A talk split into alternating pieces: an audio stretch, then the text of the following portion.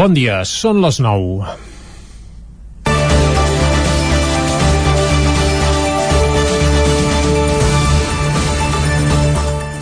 La Diputació de Barcelona torna a estar a l'ull de l'huracà i els partits independentistes a les portes d'unes noves eleccions tornen a demostrar que estan més interessats en quotes de poder, càrrecs i sous que no pas en fomentar la unitat d'un espai que quan va a l'una ja s'ha demostrat que és capaç de tot. De fer un referèndum com el de l'1 d'octubre i si calgués potser algun dia de fer efectiu el seu mandat i tot. Ara mateix, però, el camí de la independència és més difícil de veure que el de la fi del coronavirus. Tornem a la Diputació investigació, però. La setmana passada la policia espanyola va detenir la seva presidenta, Núria Marín, que també és alcaldessa de l'Hospitalet, per un presumpte cas de corrupció. Com que Marín no és independentista, la seva detenció no es va filtrar cap mitjà i tampoc hi ha imatges de com la van dur cap a, comissaria, eh, cap a comissaria, per exemple. El cas de Marín, però, no és aïllat, ja que el socialisme de l'àrea metropolitana té una llarga tradició en corrupteles i martingales, sovint, això sí, amagades des de molts mitjans. Filesa, Pretòria, el cas Mercuri i si ens acostem a l'Hospitalet veurem que des de Franco cap dels alcaldes que hi ha hagut, tots socialistes per cert, són angelets immaculats. Juan Ignacio Pujana va ser condemnat per tràfic d'influències de Celestino Corbacho, millor no dir-ne gaire res. I la següent ja és la mateixa Marín. Mm, des que es va conèixer la seva detenció, per cert, Marín mateix ja va deixar clar que no dimitiria i Esquerra Republicana va anunciar que presentaria una moció de censura per fer fora una presidenta que governa a la Diputació gràcies als vots de Junts per Catalunya. El pacte entre Junts i PSC, des del punt de vista independentista, no s'aguanta per enlloc ja des del primer dia, però és un bon exemple de les misèries que hi ha a un espai on massa sovint l'interès comú d'un projecte compartit queda en un segon pla i i el que prima és l'interès individual d'uns pocs. La Diputació mou un pressupost de prop de 1.000 milions d'euros a l'any i això és un pastís massa gran per tal que els que poden arreplegar alguna engruna no es venguin l'ànima al diable. El pacte s'hauria de trencar, sí, però des d'Esquerra també haurien de ser conseqüents i tenir clar que el PSOE ni ha canviat ni canviarà perquè per molt que els aprovis uns pressupostos estatals, l'endemà no els tremolen les cames a l'hora d'abolir tercers graus a les preses polítiques, ni en afirmar que l'amnistia a la Constitució no hi cap. I mentre aquí els independentistes es barallen entre ells, ja sigui per la Diputació o per una precampanya que es presenta crua i calenta, allà riuen perquè saben que amb desunió l'independentisme és inofensiu. Ja ho diu la dita, qui dia autonòmic passa, any autonòmic empeny. Comença Territori 17 a la sintonia de la veu de Sant Joan, on acudinenca Ràdio Cardedeu, el 9 FM i el 9 TV. Territori 17, amb Vicenç Vigues i Jordi Sunyer.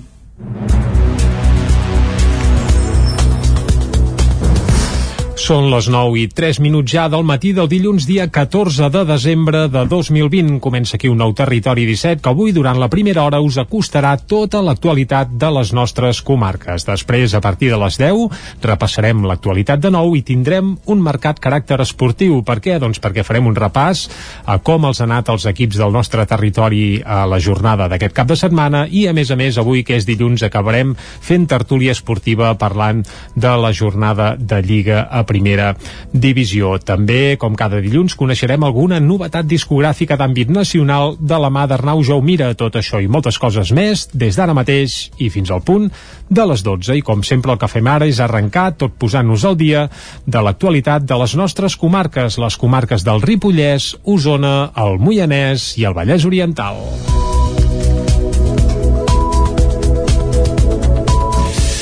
Investiguen les causes de la mort d'una persona trobada sense vida aquest diumenge a Vic. Cap a les 11 del matí, els Mossos d'Esquadra van rebre l'avís que hi havia una persona sense vida a la zona dels aparcaments del carrer Hospital del Cloquer a Vic. Fins a aquest punt s'hi van desplaçar efectius de la policia catalana i del SEM que no van poder fer res més que certificar que el cos trobat estava sense vida a l'interior d'un vehicle estacionat en aquest punt. A continuació, es van iniciar les investigacions per determinar les causes de la defunció. En la primera inspecció, els Mossos d'Esquadra van determinar que no hi havia indicis de criminalitat. Pel que fa a la víctima, Es tractaria d'un home al voltant dels 40 anys. Passades les 12 del migdia encara no s'havia produït l'aixecament del cadàver i es mantenia coordonada una zona important del parc que hi ha a tocar. Ara serà l'autòpsia qui haurà de determinar les causes de la mort. La presència dels Mossos i dels efectius del SEM, així com l'acordonament de la zona, va aixecar molta expectació entre els veïns i veïnes dels habitatges propers. Preocupació a Manlleu, Torelló i l'Esquirol pel macroprojecte d'un parc fotovoltaic de 400 hectàrees. Una proposta que els tres ajuntaments han rebutjat perquè el consideren desmesurat. Tot i apostar per les energies renovables, no volen ser partíceps d'un projecte que pot suposar un impacte ambiental, paisatgístic i sobretot eh, l'efecte que pot tenir en el món rural molt important, sense precedents. Els ajuntaments de Manlleu, Torelló i l'Esquirol s'oposen frontalment a la creació de dos parcs fotovoltaics de 432 hectàrees en una zona on ara hi ha camps, granges, passos de pastures i cases de pagès. Un projecte que d'entrada es projectava en paral·lel a la via del tren per una banda i al santuari de Puigdegut i Lourdes limitarien els dos camps, un projecte que comportaria un impacte ambiental, paisatgístic i sobre el món rural sense precedents i que els tres ajuntaments consideren desmesurat. Enric Vilaragut és el regidor de Serveis Territorials de l'Ajuntament de Manlleu. És l'equivalent de 400 camps de futbol plens de plaques. Això no es pot acceptar i el que volem és, evidentment, aturar, aturar aquest projecte, que l'aturarem, i sentar-nos a parlar i, i, i posar-hi seny d'alguna manera. El projecte l'ha presentat una empresa d'enginyeria de Barcelona i Plan Gestió Integral que habitualment treballa per grans multinacionals de l'energia com Endesa o Red Elèctrica. Els ajuntaments de Manlleu, Torelló i l'Esquirol ja han mostrat el seu desacord a la Generalitat. Asseguren que volen apostar per les energies renovables però de forma sostenible. Marçal Ortuño és l'alcalde de Torelló i Àlex Montanyà, l'alcalde de l'Esquirol. Cal avançar molt i molt de pressa en el camp de les energies eh, renovables, però que la transició energètica no es pot fer a qualsevol preu. Estem en aquest moment importantíssim com a país, com a comarca, de fer front a la transició energètica. És uh, una prioritat uh, europea i hem de ser capaços de, de fer-hi front. Això no vol dir que haguem de pervertir-nos i hipotecar el territori altres municipis també han rebut la petició per instal·lar plaques solars. Empreses del sector ofereixen lloguers de 1.500 euros per hectàrea a l'any durant 30 anys. Davant d'aquest fet, el Consell d'Alcaldes i Alcaldesses d'Osona ha acordat elaborar un pla comarcal d'energies renovables per marcar els criteris. Es detecta un brot de Covid-19 a la Fundació Emma de Sant Joan de les Abadesses, amb un mort i 14 positius. També, en aquest cas també al Ripollès, es farà un cribratge massiu de dos dies a Ripoll per de, per detectar casos asimptomàtics. Isaac Muntades, des de la veu de Sant Joan. L'evolució de la pandèmia a Sant Joan i a Ripoll és molt dolenta en els darrers dies. En el primer cas s'han detectat 53 casos positius en els darrers 14 dies, dels quals 35 han aflorat la darrera setmana. A més, a finals d'aquesta setmana es va declarar un brot a la Fundació Emma, que amb les últimes dades actualitzades d'aquest dissabte ja acumula 10 residents positius, un dels quals ha mort i 4 treballadores amb la malaltia. Des del primer moment, l'equip de professionals de la residència i el Departament de Salut estan treballant per controlar el brot brot. Cal destacar que la desena d'avis positius són asimptomàtics o tenen símptomes lleus. A més, encara no s'ha pogut determinar si el virus ha estat la causa de la mort de la persona difunta. El primer cas es va detectar el dijous dia 3 de desembre al matí, just dos dies després de suspendre les visites externes a causa de la situació de la pandèmia a la comarca. Tot va començar quan es va decidir fer un test ràpid a una usuària per precaució, tot i que no tenia cap símptoma clar. Quan es va confirmar el cas, es va traslladar la persona en una de les habitacions més aïllades i es va restringir la mobilitat de la resta perquè no sortissin de les seves habitacions. Aquell mateix dia tot el personal ja s'havia fet un dels tests rutinaris i una treballadora va donar positiu a la tarda. Aleshores ja es van fer proves periòdiques i els tres primers positius, tot i tenir símptomes molt lleus, es van traslladar a un centre residencial a Girona per intentar tallar la propagació, però va haver-hi un degoteig de casos en els darrers dies. Els casos detectats en els següents dies també presentaven una simptomatologia lleu i s'han atès a la residència. Per ara, una doctora de l'àrea bàsica de salut de Ripoll, Sant Joan de les Abadeses, en segueix l'evolució i la trasllada diàriament a les famílies de les persones afectades. D'altra banda, s'ha creat un grup de WhatsApp on hi participa la direcció del centre centre i també un o dos referents de cada persona resident al centre per informar de l'evolució del brot cada dia. Des de la residència esperen que el nombre de positius segueixi pujant, però que la corba s'estabilitzi en 10 dies i els positius vagin baixant fins a controlar-lo en poc més d'un mes. La Fundació EMA també ha fet una crida a reforçar el seu personal, especialment de neteja durant el període que duri aquesta situació. És preferible que les persones que vulguin incorporar-se a la plantilla de la residència ja hagin passat la malaltia per evitar més contagis. I a la capital del Ripollès la situació també és dolenta i aquesta darrera setmana el risc de rebrot se situava en els 1.460 punts i es van detectar 55 casos positius, un 9,14% de les proves PCR o test antigènics fets. És per aquest motiu que el Departament de Salut va decidir que es faci un cribratge intensiu a Ripoll durant dos dies, aquest pròxim dimarts i dimecres. Les proves amb testos ràpids es faran de 10 del matí a 2 de la tarda i de 3 a 7 de la tarda a la Salau del Graells de la Vila. Aquest cribratge està dirigit a tota la població asimptomàtica de més de 16 anys, amb la finalitat de frenar l'expansió del virus i trencar les possibles cadenes de transmissió comunitàries. En el cas que una persona tingui problemes de logística per desplaçar-se fins al punt del cribatge, l'Ajuntament ofereix un servei de recollida i retorn al domicili sempre que es tingui bona salut. El consistori col·labora en la logística i la difusió local, mentre que l'Institut Català de la Salut i el Servei de Vigilància Epidemiològica de Salut Pública organitzen i porten a terme el dispositiu. Els Mossos denuncien 44 persones per una festa privada a Sant Feliu de Codines, que podria haver arribat a les 100 persones. Caral Campàs, des d'Ona Codinenca. Els Mossos d'Esquadra van denunciar durant aquest pont 44 persones per una festa privada a Sant Feliu que incomplien les mesures preventives imposades per la Covid-19. La festa privada s'havia organitzat en una casa aïllada llogada expressament per l'ocasió i podria haver arribat a les 100 persones. La informació va transcendir la tarda d'aquest passat divendres, tres dies després dels fets. Mossos i policia local van fer un operatiu conjunt, alertats per diversos testimonis la matinada del diumenge 6 de desembre. Aleshores es van interposar 32 denúncies a persones que eren en vehicles per incomplir el confinament nocturn i municipal. Les 12 denúncies restants van ser pels que eren a la casa per sobrepassar el màxim de 6 persones. Seguidament es va organitzar un control perimetral durant els dos dies següents, dilluns i dimarts, que va impedir que més de 50 persones accedissin a la casa per afegir-se a la festa. Els assistents, segons fonts policials, eren de fora de Sant Feliu. Els propietaris de la casa han confirmat a Ona Codinenca que van tenir una reserva per part d'un particular per només 6 persones i qui presumptament hauria convidat a la resta. L'hoste hauria llogat la casa per un ús particular i n'hauria fet un negoci. Per tant, hi va haver un engany amb la reserva i, a més, segons apunten també els propietaris, es va destrossar l'interior de la casa. Una investigació de Mossos ha d'esclarir els fets. Les entitats de Cardedeu omplen el poble de siluetes en motiu del Dia de les Persones amb Discapacitat per conscienciar de la discriminació que a vegades encara reben aquests col·lectius. David Auladell, de Ràdio i Televisió de Cardedeu. Entitats de Cardedeu celebren el Dia de les Persones amb Discapacitat sota el lema No som invisibles.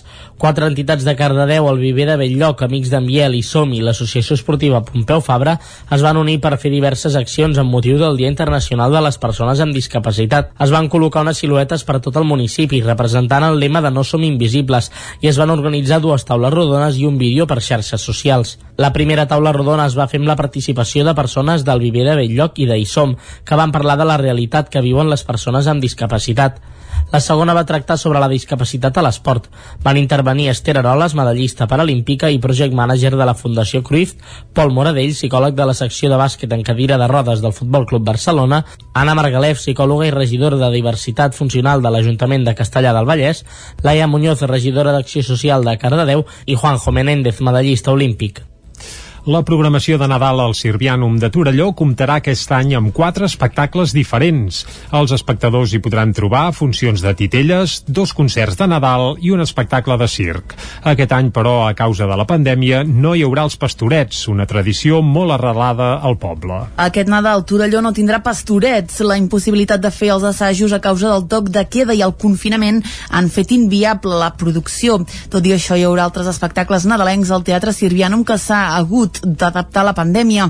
Xavi Lozano és el regidor de Cultura, Joventut, Participació Ciutadana i Mitjans de Comunicació de l'Ajuntament de Torelló. Ens trobàvem un Nadal que Torelló, doncs, la, la gran aventura del Lloquet i Torelló doncs, té molta, molta tradició ja, doncs que aquest any es pogués fer no volíem deixar eh, que el teatre eh, sigui Nadal a Torelló sense teatre i per això hem creat aquest eh, petit cicle d'espectacles de, de, de Nadal en què doncs, presentem quatre espectacles que un és això l'hem reprogramat però també hem creat alguna proposta nova que no havíem vist a, Torelló el primer espectacle de la programació de Nadal serà Espejismo i es podrà veure el 18 de desembre. Es tracta d'una representació de titelles per adults de la companyia andalusa Espejo Negro. El 27 de desembre hi haurà l'espectacle Nadales, un concert a càrrec d'Ivan Beltran, Carles Pedregosa i Josep Pedrals. L'any demà, el dia 28, hi haurà l'altre concert, a ritme de vals, gran concert de Nadal a càrrec del cor i orquestra Sinfònica Harmonia. Per últim, els dies 2 i 3 de gener tindrà lloc la gran gala de Circ de Nadal quilòmetre quilòmetre zero, un espectacle amb artistes de la comarca de la companyia Si lo sé, no me cuelgo. I fins aquí el butlletí de notícies que us hem ofert amb les veus de Clàudia Dinarès, David Auladell, Caral Campàs i Isaac Muntades. I ara el que toca, arribats a aquest punt, és conèixer el temps que ens espera per a les properes hores.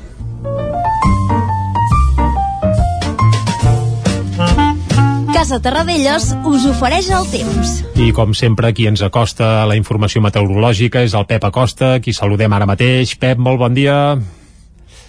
Bon dia, Pep. Sembla que tenim problemes meteorològics i de connexió amb el Pep Acosta. Aquí Hola, procurarem ara bon ja el dia. aquí. Bon dia, Pel que Pep. al Ara temps, sí. Anem pel que fa al temps. Anem al temps, Pep. Avui, com, com ja he dit, les temperatures Mhm. mínimes han pujat clarament. Uh, Sí, fa més calor, eh? Respecte als últims dies, són més altes Mhm. i també les màximes es mantindran molt estables durant el dia d'avui. Molt semblants als del cap de setmana. Uh, la majoria entre els 12, els 15, 16, algun 17 graus i tot. Tot i que les zones on hi ha una mica de boira, una mica de boira, està una mica tapat, la temperatura eh, pot estar més baixa. Ahir, per exemple, a Tona vam tenir 8 graus de màxima, avui pot pujar un o dos, però tampoc no pujarà gaire. Aquestes zones, més enclotades, eh, sí que la temperatura no pujarà això, dels 10-11 graus a tot estirar. Hi ha forces núvols ara, ens passa una, una cua de front, molt, molt poca cosa, eh, això sí que és, és, és mm, pràcticament, pràcticament ni, ni el notarem, però sí que hi ha més núvols, eh, es poden escapar de cada migdia tarda quatre gotes al peritoral, molt poca cosa, i poder Pirineu també quatre gotes, amb una cota de neu de 2.000-2.200 metres. Ja veieu quin canvi de temperatura respecte a les cotes de neu que teníem, quin canvi de cota de neu respecte al que teníem eh, els, últims, els últims dies, les últimes setmanes. I això és tot, eh, disfrutar aquest dilluns i d'aquest inici de setmana que sembla que no tindrem gaire, gaire moviment meteorològic.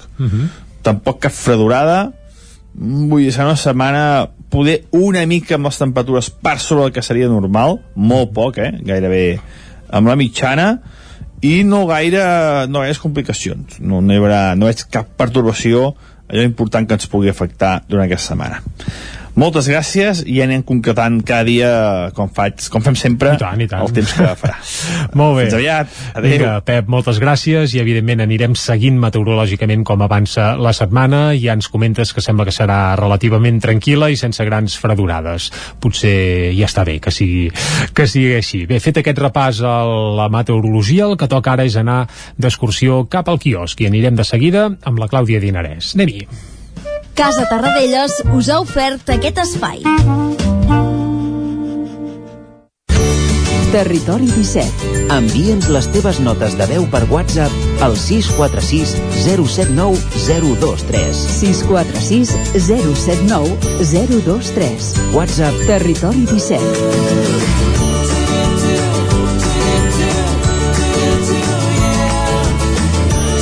Territori 17.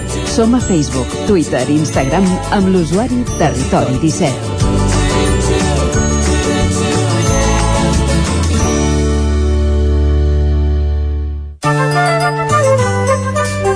Doncs vinga, ja tornem a ser aquí per anar a fer una ruta cap al quiosc i conèixer què diuen les portades d'avui. Clàudia, bon dia de nou. Molt bon dia, Jordi. Comencem, pel 9-9. Exacte, no? comencem pel És 9-9, dilluns. concretament amb l'edició d'Osona i el Ripollès, que diu les defuncions de la primera onada a Osona tripliquen les de la segona. Salut farà cribratges massius dimarts i dimecres a Ripoll per l'augment de casos a la comarca, com bé ens comentava el nostre company Isaac Muntades. A la imatge tot a punt per obrir pistes aquest dilluns. Les pistes d'esquí obriran la temporada. Era una notícia anhelada al Ripollès per l'impacte econòmic que tenen les estacions de Núria i Vallter 2000 a la comarca. Més titulars de l'edició d'Osona i el Ripollès. El nou pla de Rodalies no preveu el desdoblament entre Centelles i Vic abans del 2026. Anna R, desena candidata més votada a la segona volta de les primàries de Junts per Catalunya i com també avançàvem a primera hora troben un home mort a dins d'un cotxe aparcat a Vic on dormia des de fa uns dies. Anem a l'edició del Vallès Oriental que diu l'Estat insisteix que encarregarà les obres per desdoblar l'R3 de Parets a la Garriga aquest 2021. També es faran millores a les estacions de Parets, Granollers, Canovelles i la Garriga. A la imatge, els bosnians del Baix Montseny, refugiats dels Balcans acollits a la comarca als anys 90, fan memòria 25 anys després dels acords de Dayton que van posar fi a la guerra a l'antiga Iugoslàvia. Més coses, les entitats de voluntaris ballesanes mantenen el múscul tot i la Covid, formació a 17 sense papers perquè puguin incorporar-se al mercat laboral i la biografia de l'exalcaldessa de Sant Feliu, Laia Berenguer. Acabem amb un últim titular de l'edició del Vallès Oriental que diu intervenció policial per aturar una festa a Sant Feliu que n'hem parlat ara fa una estona. Exacte. a l'informatiu, una festa amb pràcticament 100 persones que ja t'has dit. Això no compliria cap norma d'actual, evidentment. Anem ara a les portades d'àmbit nacional. Doncs va, som i comencem amb les catalanes concretament amb el punt avui que diu Brexit responsable. La Unió Europea i el Regne Unit prorroguen el diàleg per evitar el caos. Von der Leyen i Johnson admeten l'esgotament però faran un esforç més. I avancem que von der Leyen i Johnson doncs, són uns dels grans protagonistes de les portades d'aquest dilluns. A la imatge parla d'aules ben abrigades. Els centres educatius es preparen per un hivern molt dur per combatre la Covid-19. Educació recomana obrir portes i finestres entre 10 i 15 minuts per cada hora lectiva. Alemanya, que també és notícia aquest dilluns, tanca escoles i comerç no essencial des de dimecres i fins al dia 10 de gener. L'alt nivell dels embassaments garanteix aigua per tot un any i Joan Canadell, el més votat en les primàries de Junts per Catalunya. En parlarem al tercer bloc de l'informatiu del territori 17. En esports, el Barça aixeca el cap contra el Llevant. Anem al diari Ara, que com us deia, diu Alemanya imposa un tancament estricte per Nadal. Del 16 de desembre al 10 de gener només podran obrir els comerços d'alimentació i les farmàcies. A Catalunya reobren a partir d'avui els centres comercials i s'amplia l'aforament cultural. A la imatge mor John Le Carré, el rei de la novel·la d'espies. És un altre clar protagonista de les portades d'avui. Com veiem, Canadell, el més votat a la segona volta de les primàries de Junts per Catalunya, el Regne Unit i la Unió Europea acorden allargar la negociació post-Brexit fins a l'últim minut i um, el Barça, Messi, rescata un Barça gris contra el Llevant. Avancem cap al periòdico que diu la Fiscalia investiga a Londres i Mèxic el rei Joan Carles I, que últimament el veiem cada dia a les portades. Envia comissions rogatòries, diu, per aclarir el patrimoni aflorat per l'emèrit. A la imatge, última oportunitat per salvar el Brexit. La Unió Europea i el Regne Unit seguiran buscant un divorci consensuat i se saltaran així una vegada més el límit de termini marcat per arribar a un acord. Alemanya tanca fins al 10 de gener escoles i comerços no essencials i el govern reprèn la negociació per revisar el salari mínim. Acabem les portades catalanes amb l'avantguàrdia que diu la Unió Europea i el Regne Unit, en repetim una mica, eh, eviten la ruptura i es donen més temps per negociar.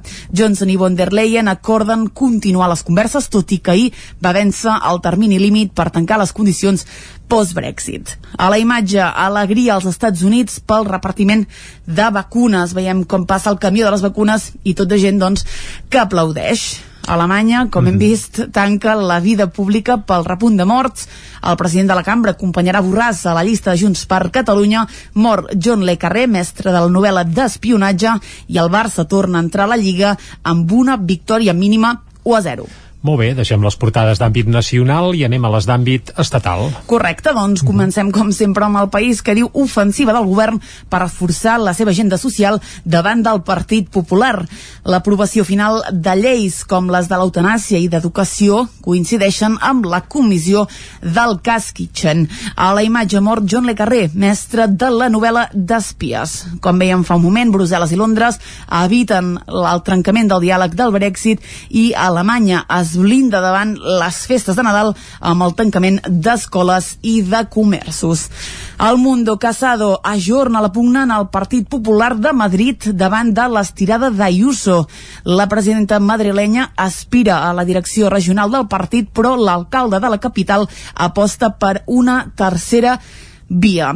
A la imatge diu jugar-se la vida per uns percebes a meitat de preu. Brussel·les i Londres negociaran fora de plaç per evitar un col·lapse històric i alerta perquè aquí tornem a parlar de Villarejo, que també és un dels grans protagonistes juntament amb el rei últimament de les portades que diu l'espionatge de Villarejo a Del Rivero va incloure alerta a tres exministres. Anem avançant, anem a la raó que diu el jutge dubta dels pagaments a Neurona de Podemos. Diu, obre cometes, no són propis d'una activitat mercantil. Tanca cometes. La raó accedeix a l'interrogatori de la mà dreta de Pablo Iglesias, Juanma del Olmo, el passat dia 20 de novembre. Qui veiem a la imatge de la Razón és a Inés Arrimadas, presidenta de Ciudadanos. Avui l'entrevisten a la Razón i diu PP, PSOE i Ciutadans junts a Catalunya arrasaríem amb el nacionalisme. Ui, ui, quina predicció més... Bé, no, no, que ho provin, doncs, aviam. En fi, Arrimadas sí. en aquesta entrevista també assegura que manté una relació cordial amb Pedro Sánchez per un tema de responsabilitat. I com veiem a pràcticament totes les portades, John Le Carré diu el fi literari de la Guerra Freda. Acabem, com sempre, amb l'ABC, que diu transparència planta cara al govern per amagar dades del Covid-19.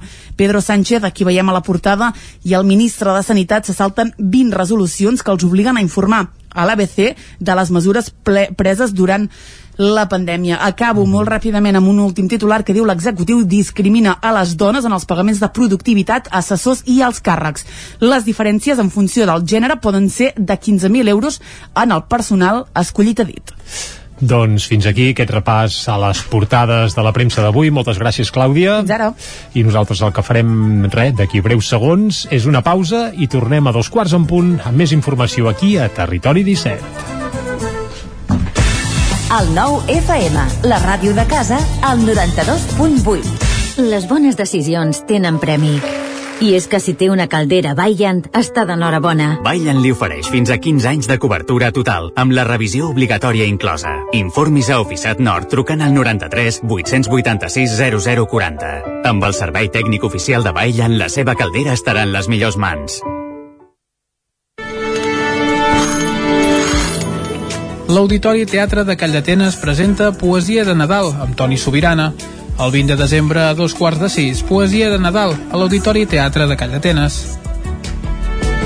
Tens joies o rellotges que vols rendibilitzar?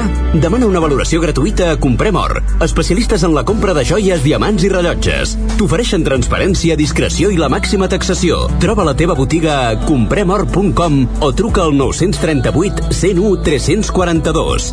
Recorda, són els originals, els de la moneda. Comprem or. Rambla de Vallada 7, Vic. Hi ha una màgia que no té truc. És la màgia de compartir una estona amb algú i parlar-hi. Vols practicar català? Vols ajudar algú a parlar-lo?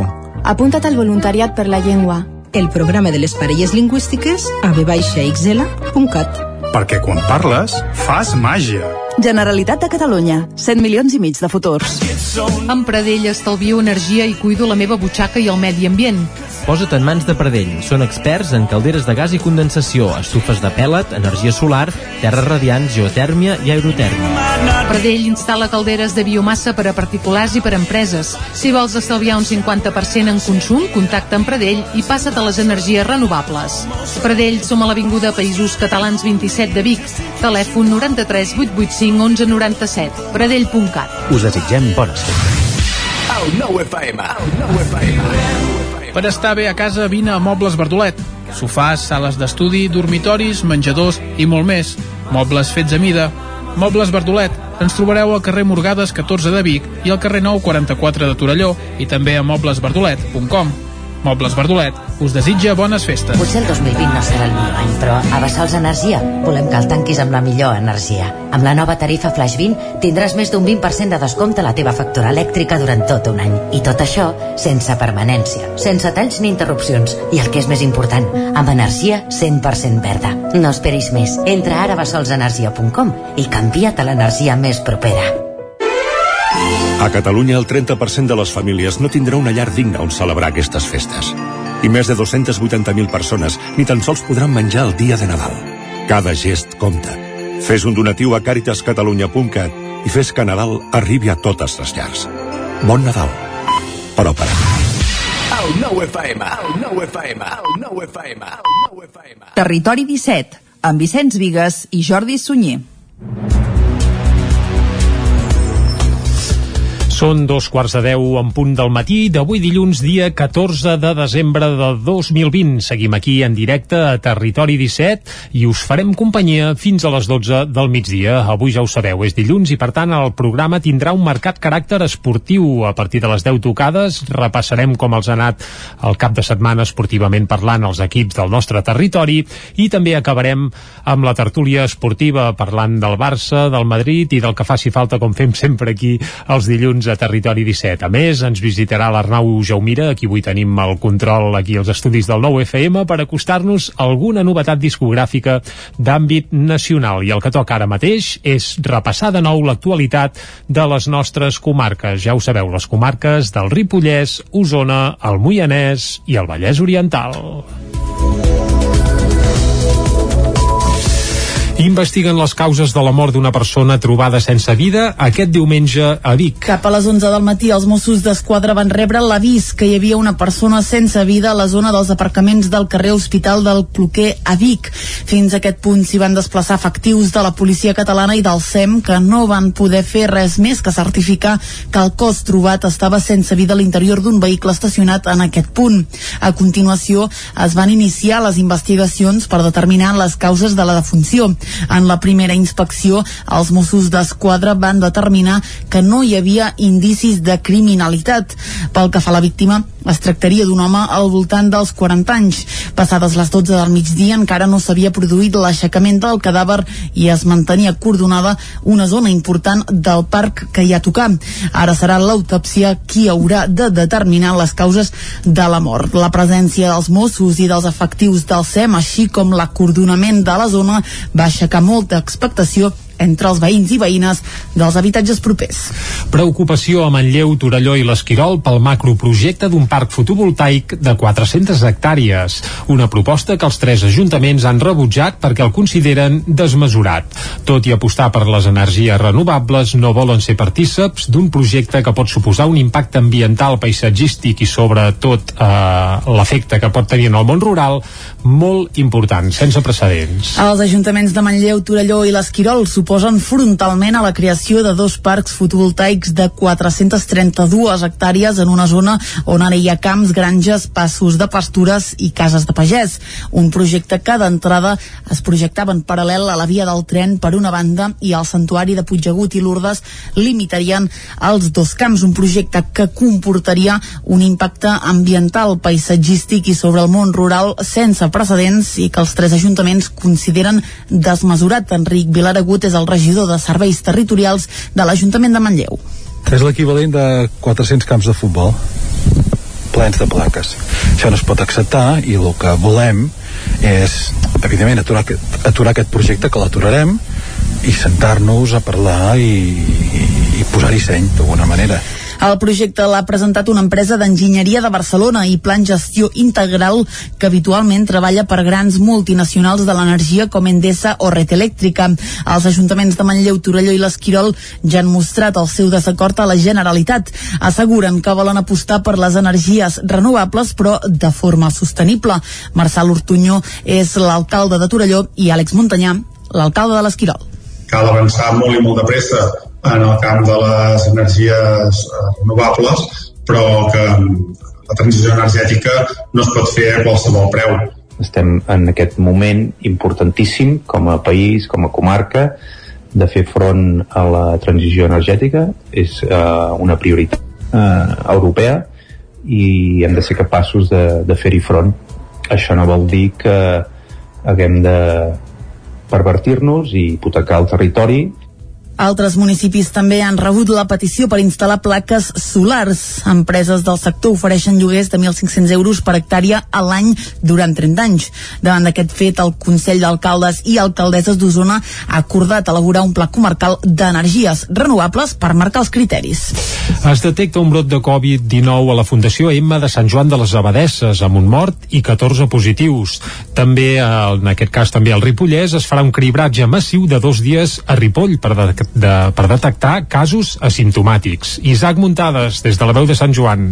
L'evolució de la pandèmia a Sant Joan i a Ripoll és molt dolenta en els darrers dies. En el primer cas s'han detectat 53 casos positius en els darrers 14 dies, dels quals 35 han aflorat la darrera setmana. A més, a finals d'aquesta setmana es va declarar un brot a la Fundació Emma, que amb les últimes dades actualitzades d'aquest dissabte ja acumula 10 residents positius, un dels quals ha mort i 4 treballadores amb la malaltia. Des del primer moment, l'equip de professionals de la residència i el Departament de Salut estan treballant per controlar el brot brot. Cal destacar que la desena d'avis positius són asimptomàtics o tenen símptomes lleus. A més, encara no s'ha pogut determinar si el virus ha estat la causa de la mort de la persona difunta. El primer cas es va detectar el dijous dia 3 de desembre al matí, just dos dies després de suspendre les visites externes a causa de la situació de la pandèmia a la comarca. Tot va començar quan es va decidir fer un test ràpid a una usuària per precaució, tot i que no tenia cap símptoma clar. Quan es va confirmar el cas, es va traslladar la persona en una de les habitacions més aïllades i es va restringir la mobilitat de la resta perquè no sortissin de les seves habitacions. Aquell mateix dia tot el personal ja s'havia fet un dels tests rutinaris i una treballadora va donar positiu a la tarda. Aleshores ja es van fer proves periòdiques i els tres primers positius, tot i tenir símptomes molt lleus, es van traslladar a un centre residencial a Girona per intentar tallar la propagació, però va haver-hi un degoteig de casos en els darrers dies. Els casos detectats en els següents dies també presentaven una simptomatologia lleu i s'han atès a la residència. Per ara, una doctora de l'àrea bàsica de salut de Ripoll, Sant Joan de les Abadeses, en segueix l'evolució i la trasllada diàriament a les famílies de les persones afectades. D'altra banda, s'ha creat un grup de WhatsApp on hi participa la direcció del centre i també un o dos referents de cada persona resident al centre per informar de l'evolució del brot cada dia. Des de la residència esperen que el nombre de positius segueixi pujant, però que la corba s'estabilitzi en 10 dies i els positius vagin baixant fins a controlar-lo en poc més d'un mes. La Fundació EMA també ha fet una crida a reforçar el seu personal, especialment de neteja durant el període que duri aquesta situació. És preferible que les persones que vulguin incorporar-se a la plantilla de la residència ja hagin passat la malaltia per evitar més contagis. I a la capital del Ripollès la situació també és dolenta i aquesta darrera setmana el risc de rebrot se situaven als 1.460 punts i es van detectar 55 casos positius, un 9,14% de les proves PCR o test antigènics fets. És per aquest motiu que el Departament de Salut va decidir que es faci un cribratge intensiu a Ripoll durant dos dies, aquest pròxim dimarts i dimecres. Les proves amb testos ràpids es faran de 10 del matí a 2 de la tarda i de 3 a 7 de la tarda a la sala Graells de la Vila. Aquest cribratge està dirigit a tota la població asimptomàtica de més de 16 anys, amb la finalitat de frenar l'expansió del virus i trencar les possibles cadenes de transmissió comunitàries. En el cas que una persona tingui problemes de logística per desplaçar-se fins al punt del cribatge, l'Ajuntament ofereix un servei de recollida i retorn al domicili sempre que es tingui bona salut. El consistori col·labora en la logística i la difusió local, mentre que l'Institut Català de la Salut i el Servei de Vigilància Epidemiològica de Salut Pública organitzen i porten a terme el dispositiu.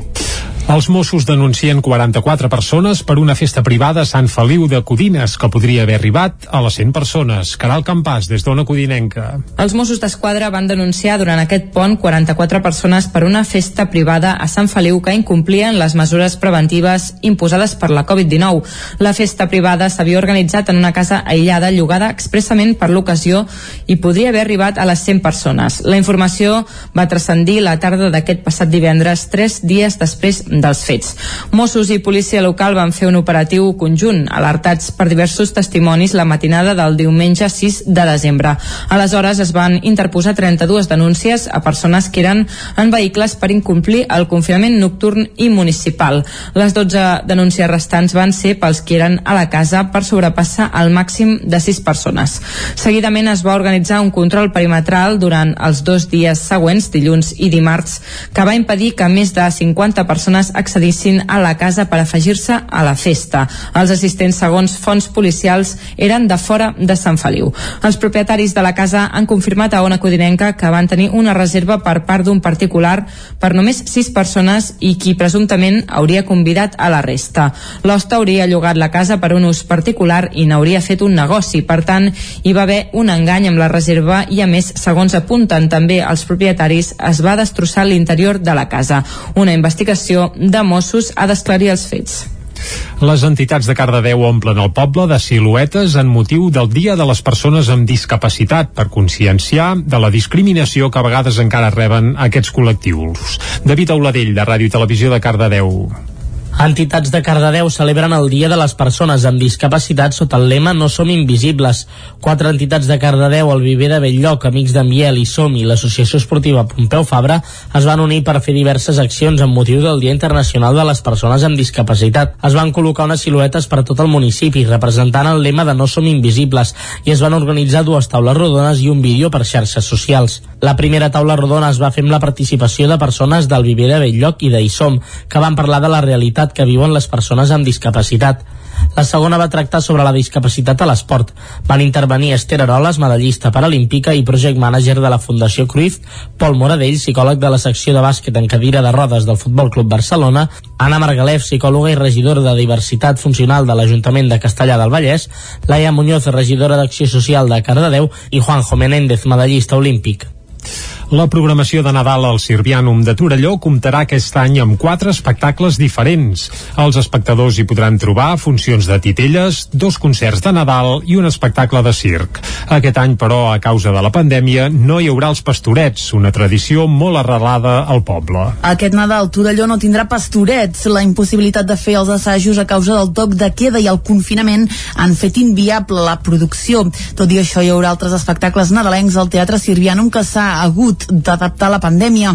Xavi Lozano és el regidor de Cultura, Joventut, Participació Ciutadana i Mitjans de Comunicació de l'Ajuntament de Torelló. Ens trobàvem un Nadal que Torelló, doncs, la, la gran aventura del Lloquet i Torelló doncs, té molta, molta tradició ja doncs que aquest any es pogués fer no volíem deixar eh, que el teatre eh, sigui Nadal a Torelló sense teatre i per això hem creat aquest eh, petit cicle d'espectacles de, de, de Nadal en què doncs, presentem quatre espectacles que un és això l'hem reprogramat però també hem creat alguna proposta nova que no havíem vist a, a Torelló el primer espectacle de la programació de Nadal serà Espejismo i es podrà veure el 18 de desembre. Es tracta d'una representació de titelles per adults de la companyia andalusa Espejo Negro. El 27 de desembre hi haurà l'espectacle Nadal, és un concert a càrrec d'Ivan Beltran, Carles Pedragosa i Josep Pedrals. L'any demà, el dia 28, hi haurà l'altre concert, a ritme de vals, gran concert de Nadal a càrrec del cor i orquestra Sinfònica Harmonia. Per últim, els dies 2 i 3 de gener tindrà lloc la gran gala de circ de Nadal quilòmetre quilòmetre zero, un espectacle amb artistes de la comarca de la companyia Si lo sé, no me cuelgo. I fins aquí el butlletí de notícies que us hem ofert amb les veus de Clàudia Dinarès, David Auladell, Caral Campàs i Isaac Muntades. I ara el que toca, arribats a aquest punt, és conèixer el temps que ens espera per a les properes hores.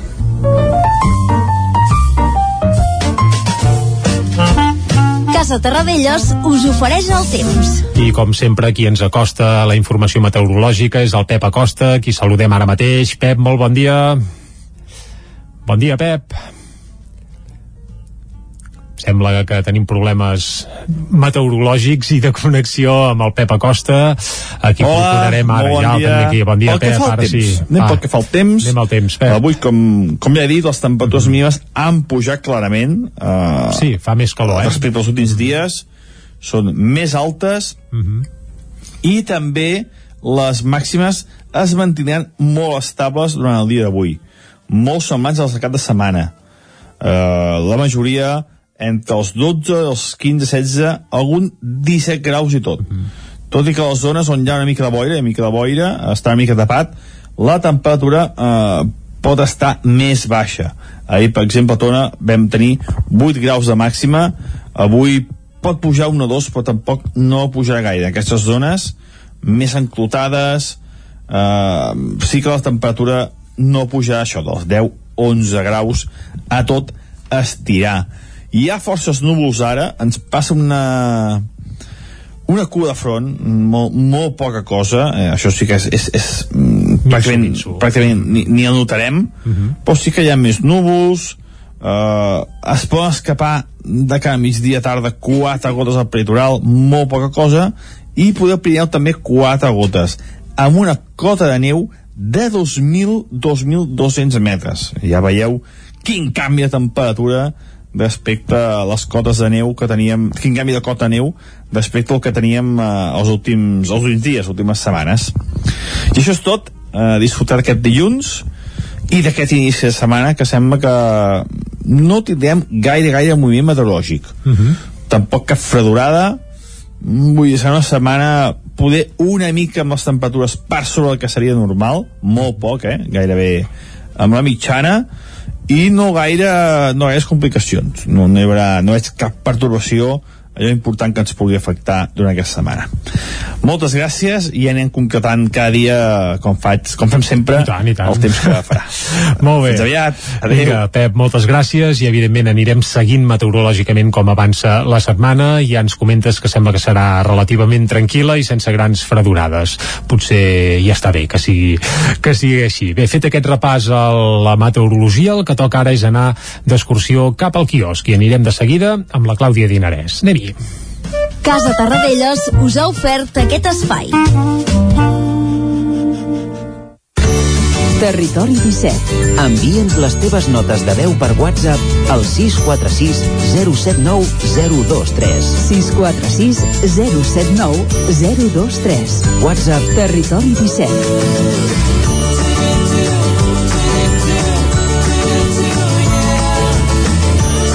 Territori 17.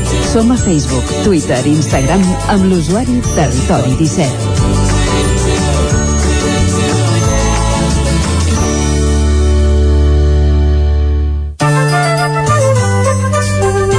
Doncs vinga, ja tornem a ser aquí per anar a fer una ruta cap al quiosc i conèixer què diuen les portades d'avui. Clàudia, bon dia de nou. Molt bon dia, Jordi. Comencem, pel 9-9. Exacte, no? comencem pel És 9-9, dilluns. concretament amb l'edició d'Osona i el Ripollès, que diu les defuncions de la primera onada a Osona tripliquen les de la segona.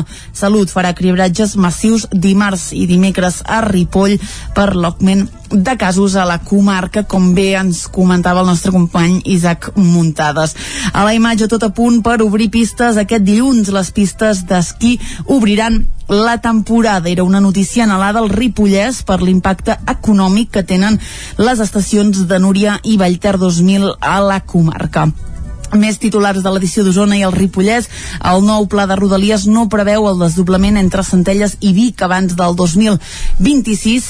Anna R, desena candidata més votada a la segona volta de les primàries de Junts per Catalunya i com també avançàvem a primera hora troben un home mort a dins d'un cotxe aparcat a Vic on dormia des de fa uns dies. Anem a l'edició del Vallès Oriental que diu l'Estat insisteix que encarregarà les obres per desdoblar l'R3 de Parets a la Garriga aquest 2021. També es faran millores a les estacions de Parets, Granollers, Canovelles i la Garriga. A la imatge, els bosnians del Baix Montseny, refugiats dels Balcans acollits a la comarca als anys 90, fan memòria 25 anys després dels acords de Dayton que van posar fi a la guerra a l'antiga Iugoslàvia. Més coses, les entitats de voluntaris ballesanes mantenen el múscul tot i la Covid, formació a 17 sense papers perquè puguin incorporar-se al mercat laboral i la biografia de l'exalcaldessa de Sant Feliu, Laia Berenguer. Acabem amb un últim titular de l'edició del Vallès Oriental que diu intervenció policial per aturar una festa a Sant Feliu que n'hem parlat ara fa una estona a l'informatiu, una festa amb pràcticament 100 persones que aviat és dit això no compliria cap norma d'actual, evidentment anem ara a les portades d'àmbit nacional Doncs va, som i comencem amb les catalanes, concretament amb el punt avui que diu Brexit responsable. La Unió Europea i el Regne Unit prorroguen el diàleg per evitar el caos. Von der Leyen i Johnson admeten l'esgotament però faran un esforç més. I avancem que Von der Leyen i Johnson doncs, són uns dels grans protagonistes de les portades d'aquest dilluns. A la imatge parla d'aules ben abrigades. Els centres educatius es preparen per un hivern molt dur per combatre la Covid-19. Educació recomana obrir portes i finestres entre 10 i 15 minuts per cada hora lectiva. Alemanya, que també és notícia aquest dilluns, tanca escoles i comerç no essencial des de dimecres i fins al dia 10 de gener. L'alt nivell dels embassaments garanteix aigua per tot un any i Joan Canadell, el més votat en les primàries de Junts per Catalunya. En parlarem al tercer bloc de l'informatiu del territori 17. En esports, el Barça aixeca el cap contra el Llevant. Anem al diari Ara, que com us deia, diu Alemanya imposa un tancament estricte per Nadal. Del 16 de desembre al 10 de gener només podran obrir els comerços d'alimentació i les farmàcies. A Catalunya reobren a partir d'avui els centres comercials i s'amplia l'aforament cultural. A la imatge mor John Le Carré, el rei de la novel·la d'Espies, és un altre clar protagonista de les portades d'avui. Com veiem, Canadell, el més votat a la segona volta de les primàries de Junts per Catalunya, el Regne Unit i la Unió Europea acorden allargar la negociació post-Brexit fins a l'últim minut i um, el Barça, Messi, rescata un Barça gris contra el Llevant. Avancem cap al periòdico que diu la Fiscalia investiga a Londres i Mèxic el rei Joan Carles I, que últimament el veiem cada dia a les portades. Envia comissions rogatòries, diu, per aclarir el patrimoni aflorat per l'emèrit.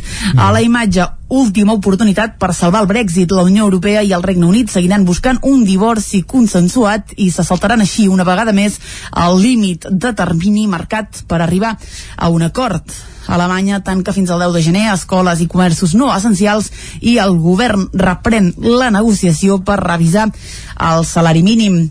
Acabem les portades catalanes amb l'avantguàrdia que diu la Unió Europea i el Regne Unit, en repetim una mica, eh, eviten la ruptura i es donen més temps per negociar. Johnson i von der Leyen acorden continuar les converses, tot i que ahir va vèncer el termini límit per tancar les condicions post-Brexit. A la imatge, alegria als Estats Units pel repartiment de vacunes. Veiem com passa el camió de les vacunes i tot de gent, doncs, que aplaudeix. Alemanya, com hem vist, tanca la vida pública pel repunt de morts. El president de la cambra acompanyarà Borràs a la llista de Junts per Catalunya. Mor John Le Carré, mestre de la novel·la d'espionatge, i el Barça torna a entrar a la Lliga amb una victòria mínima 1 a 0. Molt bé, deixem les portades d'àmbit nacional i anem a les d'àmbit estatal. Correcte, doncs comencem com sempre amb el país que diu ofensiva del govern per reforçar la seva agenda social davant del Partit Popular. L'aprovació final de lleis com les de l'eutanàsia i d'educació coincideixen amb la comissió del cas Kitchen. A la imatge mort John Le Carré, mestre de la novel·la d'espies. Com veiem fa un moment, Brussel·les i Londres eviten el trencament del diàleg del Brexit i Alemanya es es blinda davant les festes de Nadal amb el tancament d'escoles i de comerços.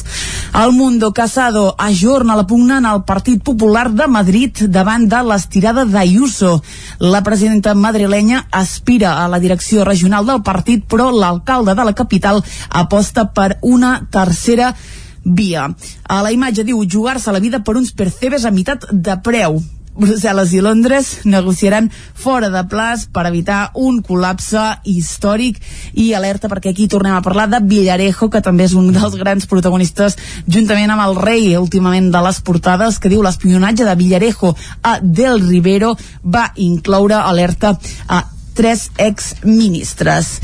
Anem avançant, anem a la raó que diu el jutge dubta dels pagaments a Neurona de Podemos. Diu, obre cometes, no són propis d'una activitat mercantil. Tanca cometes. La raó accedeix a l'interrogatori de la mà dreta de Pablo Iglesias, Juanma del Olmo, el passat dia 20 de novembre.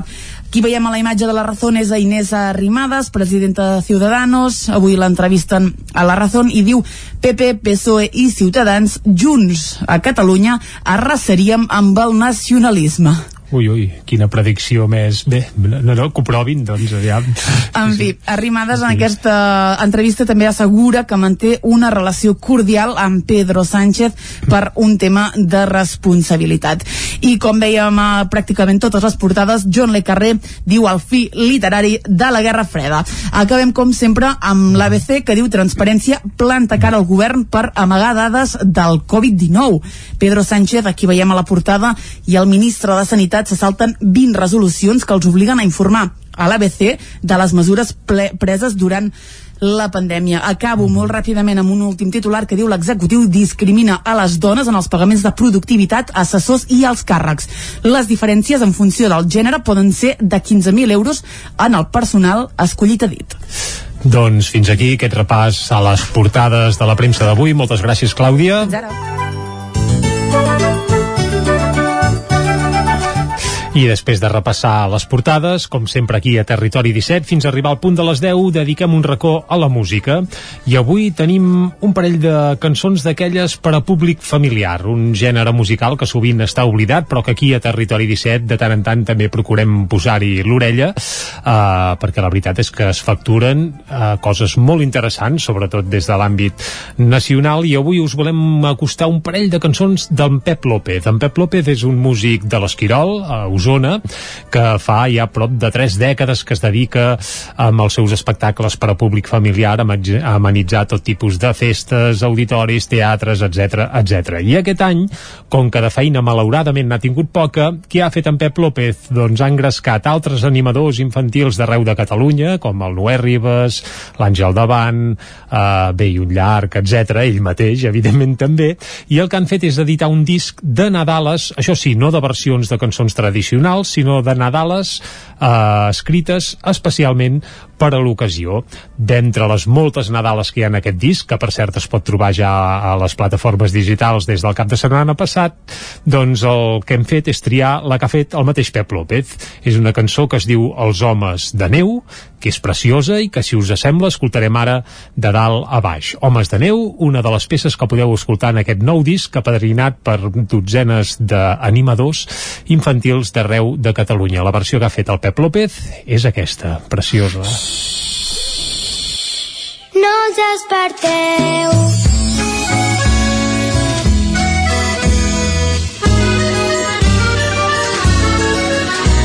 Enmig de la plaça us els trobareu amb panxa rodona els homes de neu una pastanaga que li fa de nas. La branca d'un arbre és el seu braç. No us desperteu. Els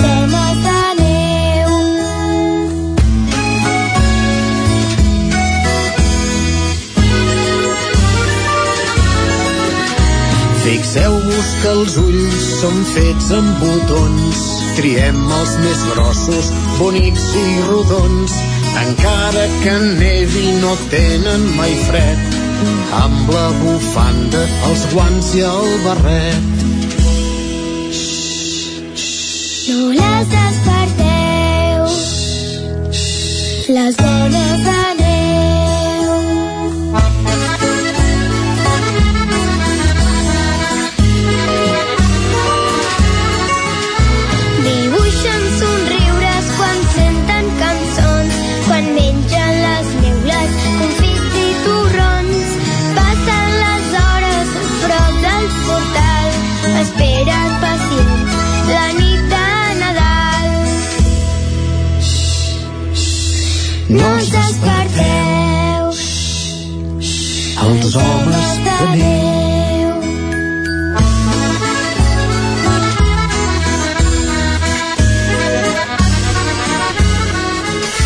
Els homes de neu del Pep López, una de les Nadales que podeu trobar en aquest disc que han editat eh, bé, apadrinats pel Pep López mateix, doncs uns quants cantautors d'aquests de públic familiar que hi ha arreu dels països catalans. I ara, per arribar fins al punt de les 10, repescarem una altra Nadala, en aquest cas també del Pep López, que bé, el Pep López ja fa uns quants anys que cada, cada any, eh, quan arriben aquestes dates, doncs ell escriu una Nadala de cap a peus, no reinterpreta un clàssic, sinó que, que en fa una de nova, i la penja a les xarxes per felicitar doncs, a tots els seus seguidors i els que encara no ho sou. Per tant, eh, pareu-hi l'orella que val molt la pena. I el que hem fet també, a part d'escoltar aquest Els homes de neu, hem anat un parell d'anys enrere i el que farem és escoltar Sempre estarem junts, la cançó de Nadal que va fer el Pep López l'any 2018. Una cançó també preciosa amb la que arribarem fins a les 10 aquí a Territori 17. Sempre estareu junts,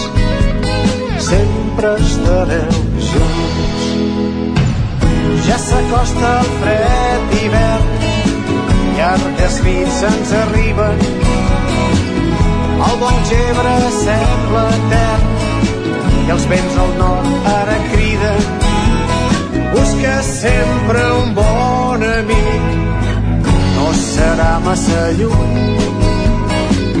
Els cors us faran d'abric i sempre estareu junts. sempre estareu junts, sempre estareu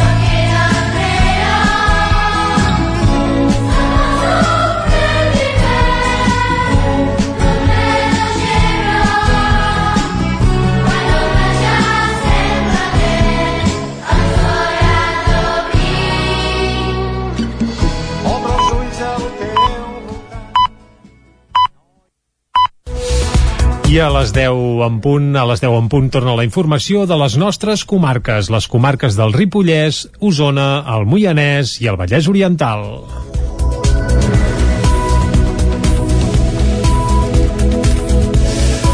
I comencem fent el seguiment del judici dels atemptats del 17 d'agost. Els Mossos d'Esquadra van explicar que el Daesh s'havia apropiat des d'un primer moment dels atemptats terroristes del 17 d'agost del 2017. Ens ho explica Isaac Muntades des de la veu de Sant Joan. La declaració dels agents de la Comissaria General dels Mossos d'Esquadra que van exposar els postulats jihadistes van convertir-los en els pèrits més destacats de la setzena jornada dels atemptats del 17 d'agost de l'any 2017 a Barcelona i Cambrils. Així va escriure l'agent dels Mossos quin era el principal objectiu del moviment yihadista global. El movimiento yihadista global es un conjunto de pueden ser organizaciones terroristas o eh, individuos, que tienen como objetivo la instauración de un califato universal, de un Estado islámico universal que esté regido bajo el principio de la Sharia. Y la única manera que contempla el movimiento yihadista global para conseguir este objetivo es a través de la lucha armada. Els dos pèrits van analitzar els comunicats que va fer el Daesh arran dels atentats i sobre el primer van explicar que l'agència MAC pròxima al grup terrorista va reivindicar-los com a propis i va qualificar els terroristes com a soldats d'estat islàmic. El segon s'atribueix als terroristes la condició de mujahidins, és a dir, d'individus que fan la jihad. En aquest comunicat expliquen com van ser els atentats amb més detall, la majoria dels quals eren erronis. Que se utiliza un autobús en el atropello de, de las Ramblas de Barcelona, que se utiliza también armas ligeras de forma simultánea para atacar un bar en el centro de Barcelona y que el atentado o el ataque que se produce en Cambril se hace a través de un camión. Nuestra valoración del por qué se producen estos errores es porque en un primer momento la organización no, no tiene capacidad de interlocutar con los ejecutores por el- la explosión que ha habido en Alcaná. Hace el seguimiento a través de las redes sociales, concretamente de Twitter, y ahí en las primeras horas salieron estas informaciones, con lo cual ellos asumen estas informaciones, pero por otro lado, aparte de esta asunción de esta información, valoramos que lo que intenta hacer la organización es magnificar el ataque. El objetivo del terrorismo es infundir terror. La manera de infundir terror es exagerar el ataque. La gent també va explicar que l'atemptat va aparèixer a la principal revista de Daesh, Rumilla, que només amb els atemptats de París va fer un seguiment similar. En el cas dels atemptats a Catalunya va dedicar-hi la portada, el pròleg, una secció i la contraportada. Els agents van detallar que els joves radicalitzats de Ripoll pertanyien a un tercer nivell de grups terroristes, és a dir, eren part d'una xarxa de base de terroristes individuals que s'apropiaven del discurs de Daesh. També van dir que havien utilitzat el vídeo fent els explosius al xalet del Canà per enviar-lo a Daesh i que en fessin propaganda. La sessió del judici va començar amb un pèl de retard perquè dos dels tres acusats es van queixar del trasllat de la presó d'Alcalá Meco fins a l'Audiència Nacional perquè tenien forts dolors als canells, però el jutge Fèlix Alonso Guevara va dir que els va visitar un metge forense, que els va donar una aspirina i aparentment van solucionar el problema. El ministre de Sanitat, Salvador Illa, va visitar Centelles el passat divendres. El ministre va aprofitar una visita institucional a Girona per aturar-se abans a la localitat usonenca per conèixer de primera mà la tasca dels professionals de l'equip d'atenció primària que gestiona el CAP i l'Ajuntament de Centelles. Illa va fer la visita coincidint amb el 20è aniversari de la gestió del CAP el proper dia 27 de desembre. La visita de Salvador Illa, que no havia estat anunciada, es va fer pràcticament sense presència de mitjans i no va fer declaracions. Un camió de transport de bestiar va volcar el dijous passat a la nit a l'autovia C-17, a l'alçada del Pinós, en sentit Vic. L'accident amb el camió com a únic vehicle implicat s'hauria produït als voltants de les 11 de la nit a la corba que hi ha abans d'arribar al restaurant El Pinós. L'accident va fer que els porcs acabessin sortint a l'asfalt. Entre bombers i Mossos d'Esquadra van acordonar la zona i van tallar un dels carrils de circulació des d'Aigua Freda per prevenció i a l'espera que arribés un altre camió de bestiar per traslladar-hi els porcs vius. El conductor del camió no hauria sortit il·lès. El grup de suport a la Xènia, una jove de Caldes de Montbui represaliada l'octubre passat en el marc de les mobilitzacions per la sentència, ha inaugurat una exposició aquest cap de setmana. La venda de les obres d'artistes calderins anirà a la Caixa de Resistència per a la seva causa. Caral Campàs, des d'Ona Codinenca. Des d'aquest diumenge i fins al pròxim 10 de gener, el Centre Democràtic de Caldes de Montbui acollirà una exposició que ha organitzat el grup de suport a la Xènia. A la primera planta del cafè, la sala que al mateix temps fa de bar, hi ha una quarantena d'obres de pintura, escultura o fotografia d'artistes locals exposades. Les obres es poden adquirir preguntant a la pròpia barra del Centre Democràtic, tot i que no es podran tenir físicament fins que s'acabi l'exposició. La inauguració de la mostra ahir al matí va comptar amb la presència d'una trentena de persones persones. Entre elles hi havia Anna Riera, mare de Xènia Garcia, que apuntava que els beneficis es destinaran a suplir els costos de la multa i que encara no tenen data de judici. Bueno, L'objectiu és recollir diners pel procés que ens ve de, del judici contra la Xènia i, i, bueno, i que la gent ens ha recolzat molt, estem molt contents i, i bueno, estem esperant que la citin a, el judici no sabem per on pot sortir, no sabem si li poden posar anys de presó, si la poden absoldre, si, si li poden posar una multa. Les multes normalment que posen són bastant elevades. Llavors nosaltres tots aquests actes que fem, tant aquesta exposició com una parada que muntem al Canaletes durant cinc caps de setmana els diumenges, doncs és per el tema aquest, per recollir diners. L'exposició es complementarà amb aquesta parada davant la plaça de l'Àngel, on es vendran productes de temàtica independentista i marxandatge de la Xènia, tots els diumenges al matí. L'últim dia coincidirà amb la finalització de l'exposició el 10 de gener. La pròpia Xènia Garcia va assistir a la inauguració del Mercat d'Art aquest diumenge. Bé, jo donar les gràcies a tots els artistes que m'han donat recolzament d'aquesta manera indirectament, que s'agraeix molt. I res, no, no es podia dir en paraules tot lo agraïda que estic per tot tot el suport que he estat rebent durant aquest últim any. Moltes gràcies. La Xènia va ser detinguda al carrer Junqueras de Barcelona l'octubre de 2019 i va passar 13 dies a la presó de Batràs. El vídeo de la seva detenció es va convertir en viral i a Caldes i a les Rodalies de seguida es va crear un grup de suport sota el lema Xènia Llibertat, un emblema que ara s'ha reconvertit en Xènia Absolució. Cardedeu obre el debat de la gestió comunitària als espais culturals en una nova sessió de Cardedeu en transformació.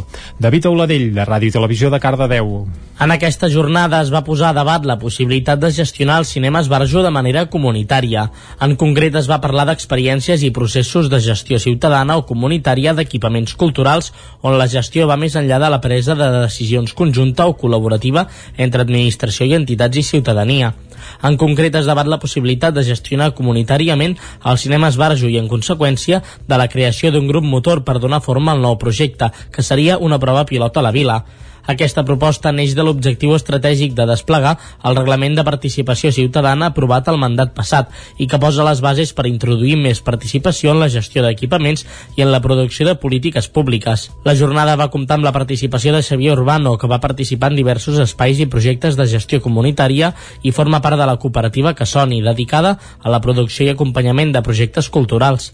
També van comptar amb la presència de Judit Font, coordinadora de l'Ateneu Popular Nou Barris i vinculada a projectes comunitaris com el de l'Ateneu Coma Cros de Salt. Vic inaugura el remodelat skatepark del Parc Xavier Roca i Vinyes, dissenyat amb l'aportació dels mateixos practicants. Després de 3 anys sota un procés de disseny, dimecres es va inaugurar finalment el nou espai. L'skateboarding debutarà a Tòquio 2021 com a esport olímpic i Vic aposta per dotar els practicants d'aquest esport i d'altres com el BMX o els scooters donar renovades instal·lacions al Parc Xavier Roca i, Tri i Vinyes.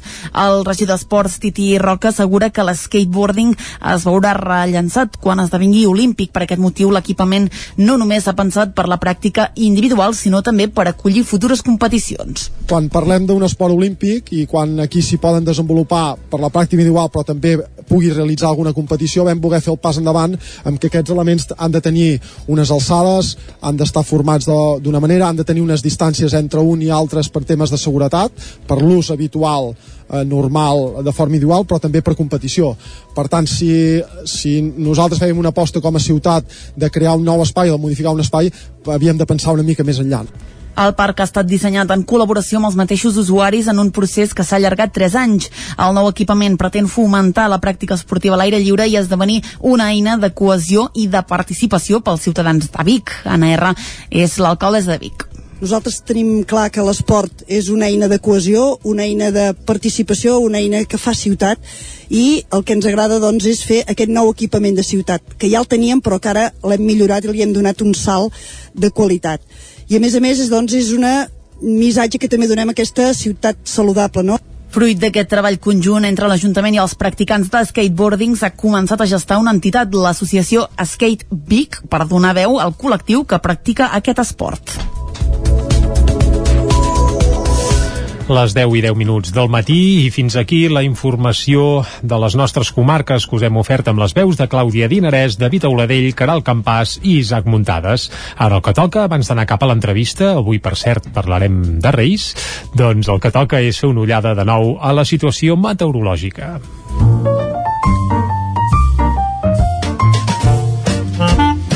Casa Terradellos us ofereix el temps. I com sempre, per parlar del temps, saludem el Pep Acosta. Bon dia de nou, Pep. Hola, molt bon dia. I bona hora. Pel que fa al temps, Anem anem al pel temps, que fa al temps, mm -hmm. avui, com, com ja he dit, les temperatures mínimes han pujat clarament eh, respecte als últims dies, són més altes i també les màximes es mantindran molt estables durant el dia d'avui, molt semblants als de cap de setmana.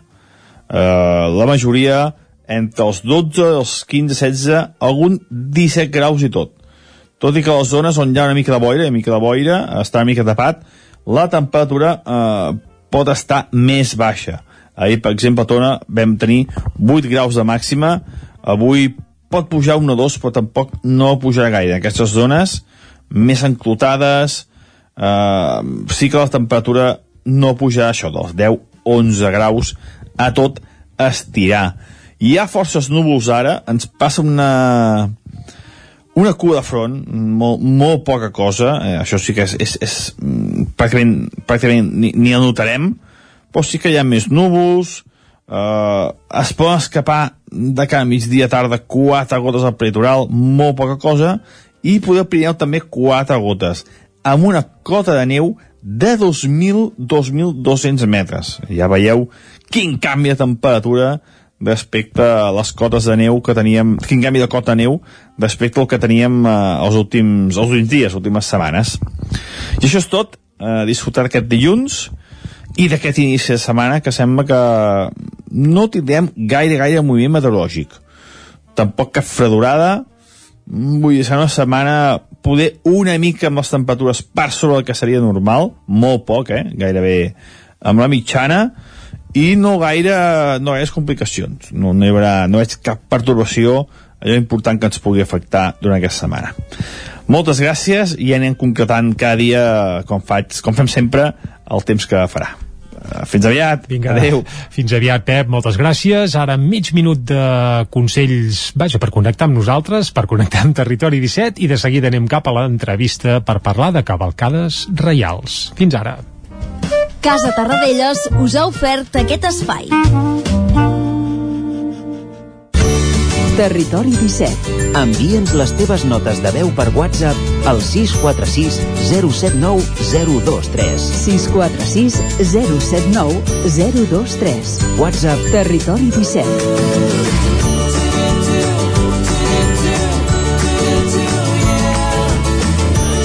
Territori 17.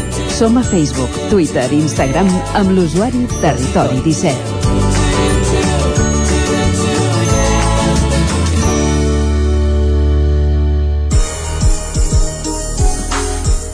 Aquest any les cavalcades i visites dels Tres Reis d'Orient s'han hagut d'adaptar a les diverses poblacions del territori 17.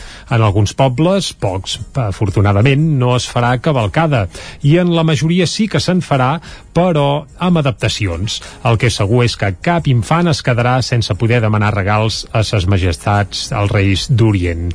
Per conèixer com es prepara l'arribada dels Reis a Sant Feliu de Codines, el que fem ara mateix és anar cap a Ona Codinenca amb la Caral Campàs. Bon dia, Caral.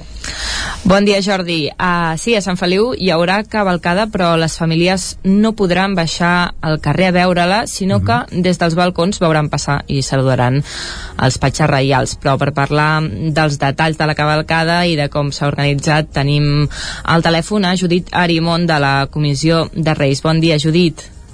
Bon dia. Uh, Explica'ns, a nivell organitzatiu, quanta gent forma part d'aquesta comissió que ajuda els Reis a preparar la cavalcada? Doncs és una mica complicat de, de dir un número exacte, però contem que aproximadament unes 18 persones. I, per cert, eh, quan fa que funcioneu com a mus eh, treballant per aquest any? Suposo que els anys anteriors, ben passat l'estiu, començàveu ja a endreçar una mica com aniria la cavalcada, però tenint en compte que aquest és un any molt excepcional, quan fa que hi esteu treballant? Doncs les reunions online van començar a l'octubre, però sí que des del juny, més o menys, estem pensant com fer-ho per no perdre la màgia d'aquesta nit i poder respectar totes les directrius que arriben des de la Generalitat, totes les directrius sanitàries. I, i explica'ns com us heu repartit les tasques. Doncs en coordinació amb els patxes, que ens han demanat que busquem la manera per poder passar per totes les cases, em, per una banda hi ha la comissió que s'encarrega de fer tot el tema del recorregut i en relació amb això hi ha la, la comissió de xarxes que és qui s'encarrega de difondre al màxim tota aquesta informació perquè arribi a totes les llars i per, per també difondre tots els missatges que ens arriben d'Orient, com l'última carta que hem rebut, bueno, l'última, no la primera, i les altres persones de la comissió, que són les que estan en contacte directe amb els patxes, que són les que ens faciliten a nosaltres els vídeos perquè els puguem difondre. És a dir, que teniu contacte directe amb ses majestats i ells mateixos o us envien aquestes cartes per estar connectats amb els infants de, del poble. Exacte. Aquest Carai. any hem d'intentar arribar, com que és diferent, hem d'intentar arribar al màxim de... Bueno, a totes les llars de les cases perquè s'assabentin de com serà uh, aquest any la cabalgata, bueno, la no cabalgata, Mhm. o la cabalgata dels Reis. I això ho feu amb un pes molt important de les xarxes socials, eh? a través de les quals proposeu fins i tot tallers. En què consisteixen, per exemple, aquests tallers? Bueno, bàsicament, mentre esperem missatges de, de ses majestats, doncs anem proposant diverses manualitats nadalenques que serviran també potser per engalanar els balcons i les finestres, com ens han demanat els, els reis a la seva carta, i també eh, fem algun petit joc a les històries per anar passant el temps i perquè l'espera no sigui tan feixuga. És això, el que volem és anar eh, mantenint les xarxes actives perquè volem arribar a totes les llars i mantenir la flama de la màgia ben encesa. Uh -huh. Quines són aquestes xarxes perquè us puguin seguir? Uh, tenim, com a comissió de Reis, tenim Instagram, que es diu Comissió Reis CFC, també tenim Twitter, que es diu igual que l'Instagram, Comissió Reis CFC, i en Facebook, Comissió Reis CFC. A més a més, també, tots els missatges més importants es transmetran pel canal cuinenc de, de YouTube i a les xarxes de l'Ajuntament. I ens pots dir algun exemple de- d'aquests tallers o aquests jocs que heu proposat a les xarxes aquests dies? Doncs mira, l'últim joc que vam proposar van ser unes petites eh, preguntes sobre el rei i després un, una imatge en la qual els elfos dels reis havien enganxat els logos i havien de trobar quants eh, apareixien. I de tallers, l'últim que vam proposar és una corona de Nadal per penjar les portes i el primer és un arbre de Nadal amb un paper, amb un rotllo de, de paper de vàter, també per decorar l'arbre o l'escala. Uh, parlem també del patge reial, perquè abans de la cavalcada eh, és habitual que bé, a Sant Feliu de Codines, però també molts altres pobles, arriba el carter reial a recollir les cartes dels infants, però aquest any, en el cas de Sant Feliu, no vindrà el patge reial, sinó que hi haurà una bústia perquè els infants hi deixin les cartes. Funcionarà així, oi? Exacte. Aquest any, com tots sabem, hem de mantenir el mínim contacte i no podem fer molta gent al carrer. I com indica la carta, ells mateixos seran els que ens faran arribar aquesta bústia on els nens podran tirar totes les seves cartes amb els seus desitjos. Però de moment hem d'esperar més notícies del patge. És a dir, no sabem on serà aquesta bústia encara, eh? De moment hem d'esperar les notícies del patge. Nosaltres sabem que ens portaran la bústia, però no sabem res més. Imagino que, la, igual que venien a rebre'ns el a la plaça, la bústia serà la plaça, que és un lloc cèntric i on tothom coneix. I a partir del dia ho sabem o també fa de mal dir, eh? Això cal estar al cas de les novetats que ens Exacte. arribin des de l'Orient, eh? Exacte. Mhm. El dia de la cavalcada, com bé ara anàvem comentant, eh, és important doncs, doncs que no hi hagi aquest contacte i, i s'ha plantejat aquesta mm, alternativa que es, que es farà pels carrers de Sant Feliu, però eh, és important que tothom es quedi a casa, no? No sé si ens pots avançar una mica el funcionament de, del dia D. Bueno, amb, amb, com ja expliquen els, els reis de la seva carta, aquest any no, seran, no serem nosaltres qui els anirem, els anirem a rebre, sinó que seran ells qui passaran per totes, totes les cases de la vila.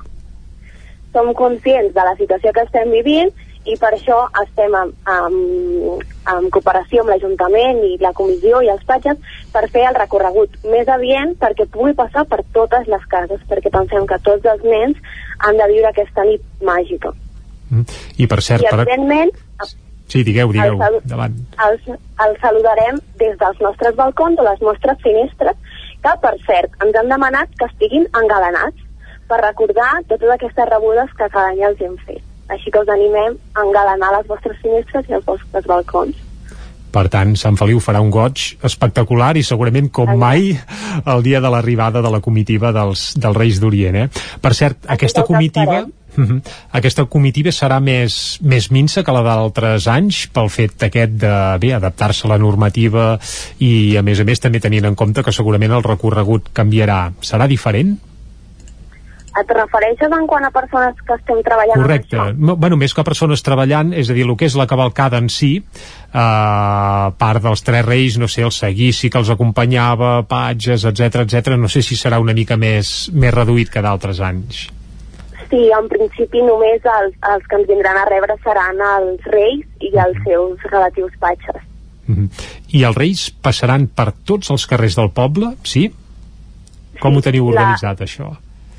Encara just ahir vam rebre la carta que ens van dir que volien passar per tots els carrers i aleshores a partir d'aquí treballarem molt intensament perquè tots, tots i tots els nenes puguin eh, veure el, els, els reis.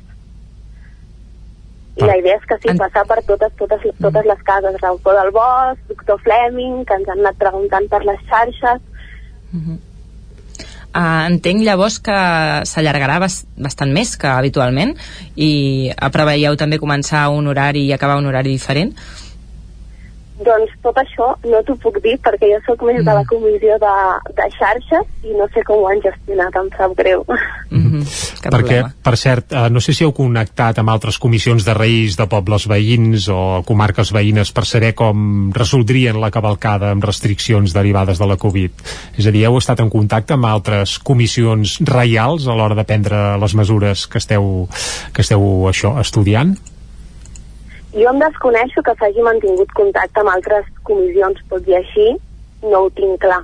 És a dir, nosaltres sí que com a comissió de, de, de xarxes sí que estem anem veient també com altres pobles eh, duen a terme tota, tot aquesta, aquest any, però des de l'altra banda no, no ho tinc clar. El que està clar és que els reis passaran, que els infants els podran veure físicament, no només per televisió, sinó que carnalment, i que la cita anual amb els regals i amb la màgia, això sí que, que vaja, que això no marxa. això hi serà i està del tot garantit, oi? Exacte, exacte. L'únic que demanem és això, que en comptes d'anar nosaltres a rebre, vindran ells pels nostres carrers i que, evidentment, evitem el màxim contacte amb, amb la resta de gent. Uh, habitualment les cavalcades també, per exemple, es, es llencen caramels, uh, hi ha força interacció, això també ho evitareu? No posaria la mà al foc, però diria que sí. Uh, molts altres municipis, en el cas de Sant Feliu ja ens expliques una mica per on aniran els trets eh? uh, molts altres uh, indrets, per exemple a Vic la cavalcada es retransmetrà íntegrament per televisió, en aquest cas pel, pel nou TV, altres pobles grans també han optat això per uh, fer cavalcades que recorreran gran part dels municipis però que a més a més es podran seguir per televisió no sé si en el cas de Sant Feliu uh, tenint en compte que ja hi ha molts vaja, això, molts vídeos que pengen ses majestats que es poden seguir al canal de YouTube també hi haurà algun seguiment televisiu o no de, de l'esdeveniment? les notícies que jo sé és que una codinenca sí que estarà en contacte Exacte. amb la comissió de Reis Ep, Caral, alerta, eh? No, sí, sí, estem, estem al cas, estem al cas. Di, digues, digues. Eh, No, no, només sé, sé això. No sé exactament com es durà a terme tot el muntatge, però sí que, sí que sé que, que retransmetrà per la ràdio com a mínim sí. certs moments de la cabalgada, com per exemple la lectura del manifest. Bueno, del, Sí, es- la lectura de la... no sé com es diu. Bé, Sí, sí, del, del- del missatge, del missatge reial Exacte. que cada any ses majestats adrecen als més menuts, bé, i també als més grans, eh? perquè evidentment hi ha consignes per tots, per grans i per petits, sobretot des de ses majestats dels Reis d'Orient, alguns més xerraires que d'altres, perquè hi ha alguns pobles on, diguem que es deixen anar força, amb d'altres són més escuets, no sé en el cas de, de Sant Feliu si, si són d'aquests molt xerraires o no els Reis que, que passen a Sant Feliu. A mi, a mi no està perfecta la llargada, em sembla la llargada justa. Ni molt llarga ni molt curta, la veritat. Sí, comentar-vos que eh, el desplegament d'O- d'Ona Codinenca, que ja estem en contacte amb el Reis d'Orient, s'està preparant, com, com bé comentava la companya, eh, i sí que hi haurà segurament un dispositiu fix a, a l'aire lliure, a la, a, a la plaça, o d'alguna manera, o seguint els Reis amb les distàncies, per poder anar retransmetent eh, minut a minut on estan els patges i, el, i els Reis, de manera que des de les seves cases els infants puguin seguir per la ràdio i dir, ostres, ara ve el rei, per tant, ara puc treure el cap pel balcó. Sabeu com una mica un partit de futbol, però amb reis. Home, quina sort que ses majestats tinguin aquest contacte tan directe, almenys amb els mitjans de Territori 17, eh? perquè tant sí. en el cas d'Osona o a Codinenca, segurament a la veu de Sant Joan i a Ràdio Cardedeu també hi haurà presència reial i això és d'agrair perquè sobretot els infants tenint en compte que no es pot anar al carrer a seguir els reis sinó quan de fer des de casa doncs a través dels nostres mitjans doncs puguin seguir puntualment la cavalcada i saber com avança tot plegat. Judit, moltes gràcies per acompanyar-nos avui a Territori 17, fer-nos 5 cèntims de com serà la cavalcada aquí a Sant Feliu i sobretot moltes gràcies per tenir, eh, ajudar, sobretot ajudar els Reis d'Orient en aquesta visita que ens faran aquest any, una visita més especial que mai perquè s'haurà de fer amb totes les restriccions que imposa la normativa sanitària actual. Judit, moltes gràcies i que portin moltes coses als Reis, eh?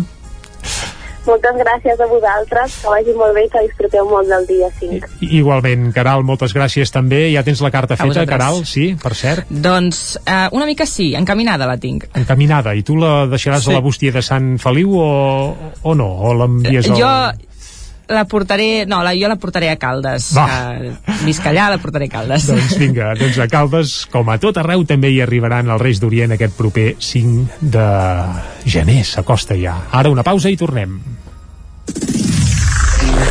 El nou FM. Farmàcia Vilaplana. Productes de cosmètica de marca pròpia Lierac i Nux.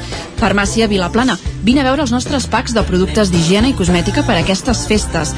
Regala salut i bellesa als que més estimes.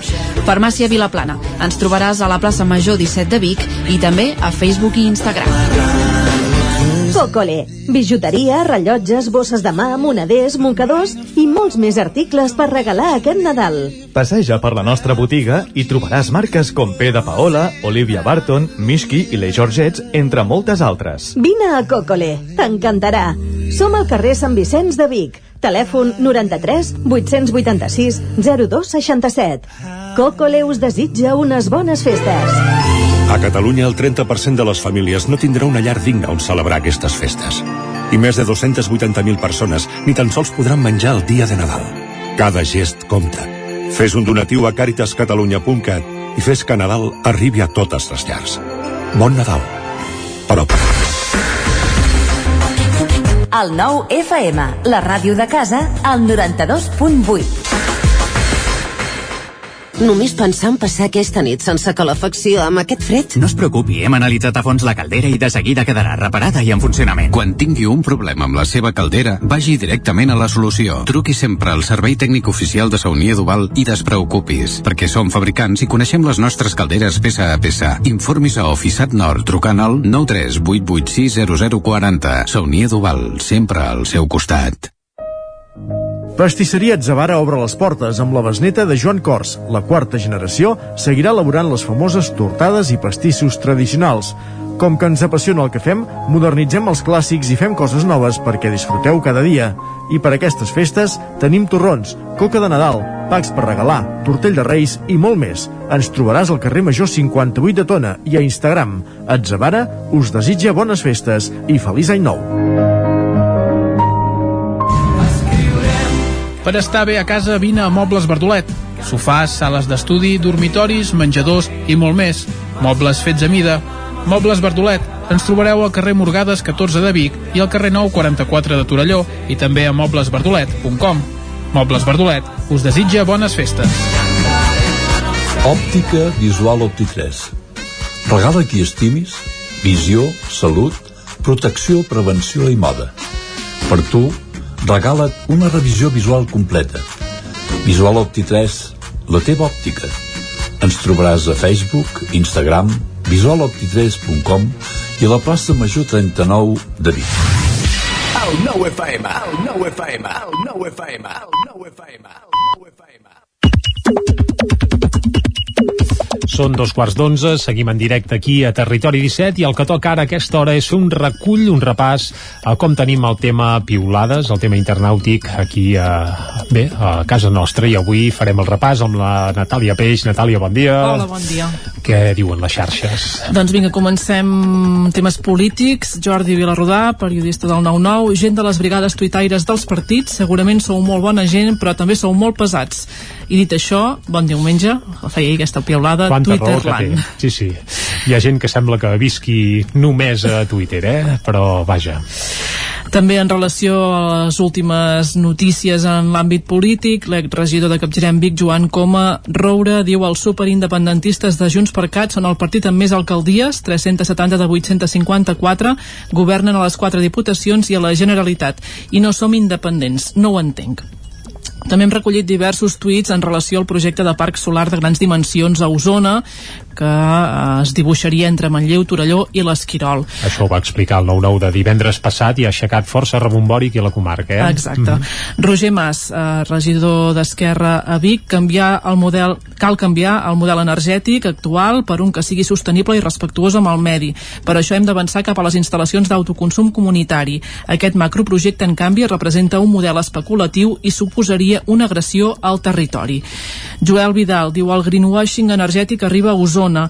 En nom de les renovables es planteja un macroprojecte cap al territori suposarà destrucció paisatgística, pèrdua de sol agrícola i de valors naturals, els beneficis per a grans empreses. El model especulatiu de sempre en verda. Carles Benús, alcalde de Tavernoles, vicepresident del Consell Comarcal, diu el que reclamem als alcaldes és que hi hagi una planificació clara on es determini quines zones del territori han d'acollir parcs solars i això vol dir que no sempre s'ha de primar l'obtenció del major benefici per part de les empreses promotores. I el regidor de Manlleu, Eudal Sallarès, tothom sap que hem de canviar el model d'obtenció de l'energia, però no a qualsevol preu. No podem permetre trinxar el territori per culpa de l'especulació energètica. Per tant, diguem que aquests tuits estan tots en la mateixa, en la mateixa línia.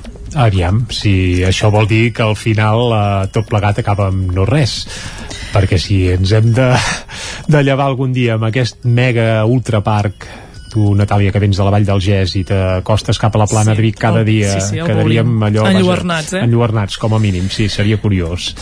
Bé, Sobre seguim. la crisi del coronavirus, Agustí Danés, director editorial del 9-9, per empènyer la recuperació econòmica, tots els governs parlen massa de xifres, treuen pit per veure qui posa més quartos sobre la taula. No més que la, però, per, perdoneu, però més que la quantitat de diners, potser s'hauria de parlar de què se'n fa d'aquests diners. No tant gastar, sinó sobretot gastar bé. Eh, En Jordi Vilarrodà diu ja cal que siguem prudents perquè no estem gens bé a Sant Joan de les Abadesses al Ripollès. De fet, les dades són pitjors que amb els brots de l'estiu quan ens van fer el cribatge. Per cert, en parlarem de seguida amb l'Isaac Muntades a la taula de redacció d'aquest tema. I en Pep Acosta, el nostre home del temps, diu que tinguem cada dia 40 o 50 morts diaris per la Covid-19 és un fracàs enorme com a societat i espanta una mica perquè també normalitzaríem 50 morts diàries d'accidents laborals, 50 morts diàries de barallars a discoteques, 50 morts de violència sexual, 50 morts en parts i deixa aquests interrogants. Què més? Un altre fil que hem recollit eh, no és estrictament del territori 17 el tuit que l'inicia, però sí que algunes de les respostes doncs, són de persones ben conegudes eh, per tots nosaltres i per tant, i el tema també és interessant, mm -hmm. per això eh, us el fem avinent. L'usuari. Llunalba diu el pare dels meus fills està preocupat per com li explicarà al seu pare que posarem el meu cognom abans que el seu. Diu que el seu pare li farà pena que es perdi el seu cognom amb ells. Gutiérrez és el cognom que es perdrà. I a partir d'aquí... No hi ha eh, perill que es perdi el cognom Gutiérrez, eh? de moment sembla, però vaja, uh, a partir d'aquí, què més ens Uh, surt? D'aquí ve el tuit, entenem. En Joan Garcia, el director de la veu de Sant El seu Joan, cognom tampoc hi ha perill que es perdi, Exacte, sembla. i diu jo no vaig recordar dir-li que volíem canviar l'ordre fins que vaig sortir de la sala de part, Garcia. No vam parlar-ne ni dos minuts ni hem tornat a fer-ho. I Àlex Gutiérrez diu el meu fill es diu Quim Prats, la debacle, la debacle. No es diu com ell, per tant, no es diu Gutiérrez. Potser de segon cognom sí, sí. van capgirar De primer, exacte, per això, bé. per això fa el tuit. Ara es pot fer això, sí, sí. I encara algunes últimes piulades eh, esportives? En recuperem una altra d'en Pep Acosta. Diu tothom sap qui guanyarà aquesta lliga la gran superestrella del Madrid aquests últims anys. Zinedine Zidane quin entrenador em rendeixo en Miquel Muñoz, eh, en relació al partit entre els dos Madrids, diu merecidísima derrota, ell parla des de la vessant de l'Atlètic, le, ha le ha faltado mucho bastante de todo el Atleti, dicho esto, y pase lo que pase, en un futuro nos guste más o menos, Simeone seguirá sabiendo de este juego bastante más que la mayoría que corremos o corren por Twitter. Bé, a la part final del territori 17 d'avui farem tertúlia esportiva sobre la jornada de Lliga del cap de setmana i acabarem de sucar i pa, eh, per exemple, la victòria del Real Madrid contra l'Atlètic de Madrid. Però també va guanyar el Barça, eh? Sense fer un Sí. gran partidàs, però això, això Per ho la mínima. parlarem a la part final de, del programa. Sí, sí.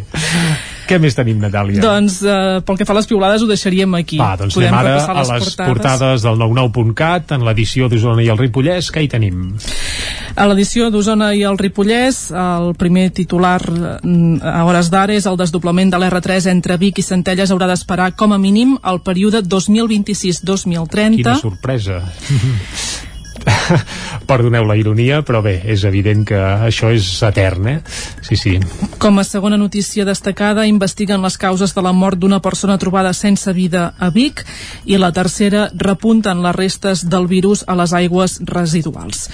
I pel que fa als tres titulars principals ara mateix al 99.cat del Vallès Oriental, escorcoll policial a la Roca en la desarticulació d'un entramat dedicat al cultiu de marihuana a gran escala, L'Hospital de Granollers al 60, en aquest cas destaca una fotografia del centre després de la seva primera ampliació l'any 1957 i com a tercera notícia hi tenim l'èxit d'una sèrie de Netflix dispara la venda de taulers d'escacs d'una empresa de la Garriga. Doncs no hi ha mal que per bé no vingui. Goita, una sèrie de Netflix que fa que la gent compri eh, jocs d'escacs. Natàlia Peix, moltes gràcies per fer-nos aquesta repassada internàutica. Nosaltres ara el que fem és anar cap a la taula de redacció. thank you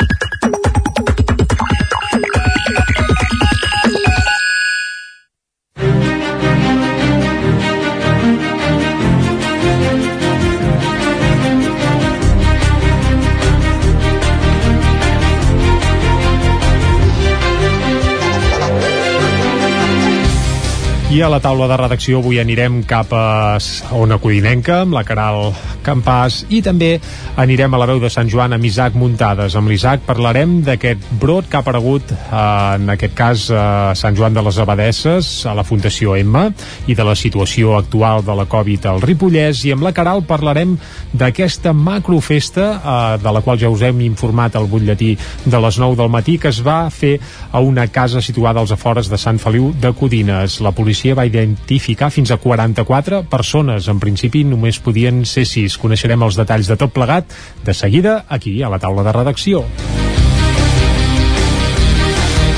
I va, comencem anant cap a Ona Codinenca amb la Caral Campàs. Caral, bon dia de nou. Hola, bon dia. Va, que aniràs a veure els Reis ens ha quedat claríssim que vas anar a la festa aquesta en principi tu no hi eres, eh? A, a la No. festa? No. Jo, Val. jo no hi era. Uh, Però hi havia va molta, transcendir... molta gent, eh? Què, què va passar? Aviam. Sí, hi havia, hi havia molta gent. Uh, és a dir, la, la informació va, va transcendir divendres, però, però la festa havia, hauria sigut el, el passat pont, diguéssim, eh? Dissabte, dissabte pont de la diumenge, dilluns i dimarts. Ah. Exactament. Doncs uh, hi hauria hagut... Uh, bé, es va tenir coneixement de la festa... Um, la policia local va tenir, perdó, coneixement de la festa a partir de la informació que va portar diversos testimonis de la zona, veïns de, de per allà. Això va ser dissabte a la nit i uh, diversos agents es van desplaçar allà, agents de la, de la policia local de Sant Feliu i de la policia també de Caldes. Llavors, allà van veure que hi havia molts cotxes i molta mobilització i van um, denunciar a 32 persones que estaven en cotxes uh, diguéssim, per, a, per aquell indret. Eh, en aquest cas uh, se'ls van aixecar actes perquè es desplaçaven fora del seu municipi de residència i a més a més ho feien més enllà de les 10 de la nit recordem que això era la, la nit cap a la matinada de, de dissabte a diumenge Llavors, posteriorment, l'endemà, eh, diumenge a la tarda van tornar i es van apropar a la casa on representa que es dirigien aquesta gent per comprovar la situació i van, van veure que se sentia música, estem parlant de diumenge a la tarda. Per tant, eh, no i- havien escarmentat, eh? Aquesta casa Exacte. està claríssim, eh? Uh, els agents uh, van, van trucar per comprovar quantes persones hi havia a l'interior i n'hi van trobar 12 uh, 12 dins de la casa i en aquest cas aquestes 12 persones també van ser denunciades per incomplir les mesures preventives per la Covid perquè en comptes de ser 6 eren, eren 12 no? aquestes 12 s'afegien a les 32 de l'anterior nit i eren un total de 44 llavors a partir de llavors eh, i com que tot apuntava a que, que podien haver-hi més desplaçaments eh, cap allà, Mhm. doncs van muntar un dispositiu de vigilància, Mossos i policia local, i van establir un punt de control al camí que permetia l'accés a aquesta casa, que està als afores de, de Sant Feliu, on, es, on hi havia muntada aquesta festa. Eh, la vigilància es va mantenir fins dimarts, segons fons dels Mossos, perquè l'habitatge s'havia llogat eh, per tots aquests dies de pont, i aquest dispositiu va impedir l'accés de més de 50 persones que també es dirigien cap a la casa durant aquests dos dies. Per tant, eh, en comentàvem que potencialment podria arribar, haver arribat a les 100 persones. Mare meva, Ah, en això en, en en, aquest- vaja, en temps de pandèmia i tenint en compte que no podrien ser més de 6, uh, la cosa és Exacte. per posar-se les mans al cap, eh? Mhm. Sí, eh, en aquest cas, en aquestes eh, cinquantena de persones que van, que van que es van acostar a la casa dilluns i dimarts no, no es van interposar denúncies perquè feien el desplaçament en un dia i una franja horària en el que sí que estava permesa la, la mobilitat, però la presència policial els va dissuadir d'arribar a la casa. I comentar que des d'Ona Codinenca vam poder contactar amb el propietari divendres passat en exclusiva, eh, un propietari que es vol mantenir en l'anonimat i la ubicació del xalet també, però el que sí que ens va confirmar mm, va ser que a través d'Airbnb eh, van tenir una reserva per part d'un particular per només sis persones i qui presumptament hauria convidat a, a tota la resta. Llavors l'hoste hauria llogat la casa per un ús particular i en principi se n'hauria fet fins i tot un negoci perquè van trobar unes instruccions d'un TPV, d'un terminal d'aquests de, de cobrar eh, també a, a la casa. Per tant, eh, hi va haver un engany amb la reserva i a més, segons apunten també els propietaris, es va destrossar l'interior de la casa. Llavors també hi ha una investigació de Mossos oberta per esclarir els fets. Déu-n'hi-do, déu nhi déu aquesta festa que es va fer durant el pont de la Puríssima en un xalet als afores de Sant Feliu de Codines. Caral, moltes gràcies per acostar-nos en els detalls. Anem ara cap a la veu de Sant Joan amb l'Isaac Muntades. Isaac, molt bon dia. Molt bon dia, Jordi. I amb l'Isaac repassarem una mica les dades del coronavirus al Ripollès que últimament estan empitjorant, eh, Isaac? Hi ha uns quants, sí. vaja, uns quants elements que ens fan no ser especialment optimistes. Per exemple, a, a la Fundació M ha aparegut un nou brot, eh? Sí, exacte. És el tercer brot en una residència aquí a, a la comarca del Ripollès. Recordem que primer va haver-hi els de Ribes i el de Camprodon, el de la Fundació M és el tercer. En aquest cas, eh, divendres ja vam saber una mica de, de, de com era aquest brot. Eh, us puc dir que hi ha hagut ja una persona que, que ha mort, tot i que també han volgut aclarir que no se sap ben bé si ha estat per causa de, de la Covid-19, allò que es diu sempre, no? hi ha molta gent que és positiva i al final eh, dona positiu però no sap si ha mort d'allò, evidentment perquè és una persona gran, no? I en total també s'hi han detectat doncs, eh, 14 positius que es corresponen a, a 10 residents, entre els quals hi ha aquesta persona difunta i també de, de 4 treballadores. Per tant, de moment eh, sembla ser que s'ha quedat aquí, a veure si amb els propers cribatges segurament en seguiran aflorant eh, uns quants més, que això sol passar a totes les residències, però per sort la majoria d'avis doncs, són uh, asimptomàtics i no tenen, uh, tenen un quadre lleu. Per tant en principi uh, de moment uh, a banda de la persona que s'ha hagut de lamentar que ha mort la situació encara uh, està prou bé tenint en compte, per exemple, el cas de, de Ribes en què hi va haver-hi doncs, uh, set persones difuntes. Uh, el brot es va detectar ja fa uns dies, el 3 de, de, de desembre, i des del moment en què es va tenir coneixement doncs, que hi havia una persona que semblava sospitosa, evidentment se la va aïllar, es va confirmar el positiu, després hi va, una treballadora va donar positiu també, després tres eh, residents ja van donar positius, aquests se'ls va eh, traslladar un centre residencial a Girona doncs, per intentar tallar la, la propagació, però bé, hi ha hagut aquests, aquests darrers casos eh, en els últims dies, de fet, eh, a Sant Joan de les Abadeses eh, aquests dies la situació és especialment complicada perquè s'han diagnosticat 50 casos eh, en la darrera setmana i 70 en les dues darreres setmanes. Per tant, eh, una situació molt, molt dura, amb un índex de risc de rebrot que, que passa als 2.500 punts i amb un RT, que això és la velocitat de propagació, que vol dir que uh, des de 2,38 això vol dir que cada persona uh, cada 100 persones en contagien 238 per dir-ho d'alguna manera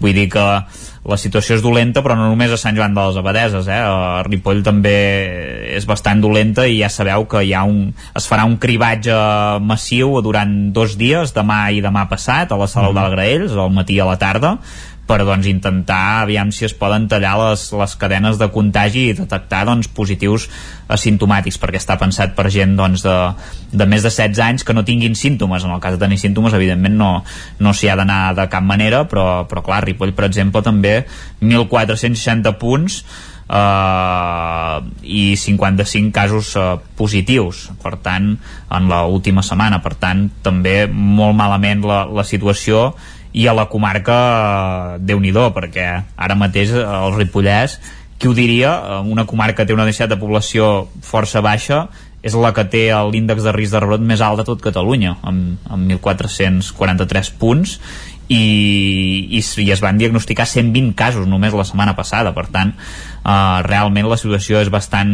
bastant dolenta veurem si es van solucionant una mica aquests brots que tenim oberts a diferents llocs, tant a l'hospital, al MAP, a Camprodon sembla que ja s'està solucionant aquí la Fundació Emma i a veure si, si pot baixar però de moment no, no, pinta bé, no pinta bé la cosa. Bé, i a més des d'avui que reobren, per exemple, les pistes d'esquí, la mobilitat Correcte. potser, vaja, canviarà i hi haurà més caliu, perquè el Ripollès, per tant, tot fa pensar que cal extremar especialment les mesures per evitar que tot vagi a més, perquè la veritat és que se sumen un seguit mm. de factors que poden fer que, que, vaja, que la cosa encara pitjori, eh? Mm -hmm. Sí, sí, és el que tu comentes, eh? que avui obren les pistes d'esquí tant a Vallter 2000 com, com a Núria i per tant això implica que amb el que es va comentar aquest pròxim cap de setmana que s'obre el confinament perimetral municipal passa a ser comarcal això vol dir que almenys la gent de la comarca ja pot anar a esquiar mm. és cert que encara no la gent de, de l'àrea metropolitana que és la que sol doncs, omplir les pistes doncs encara no pot venir però bé, almenys sí, sí, es poden sí quedar que, a dormir en,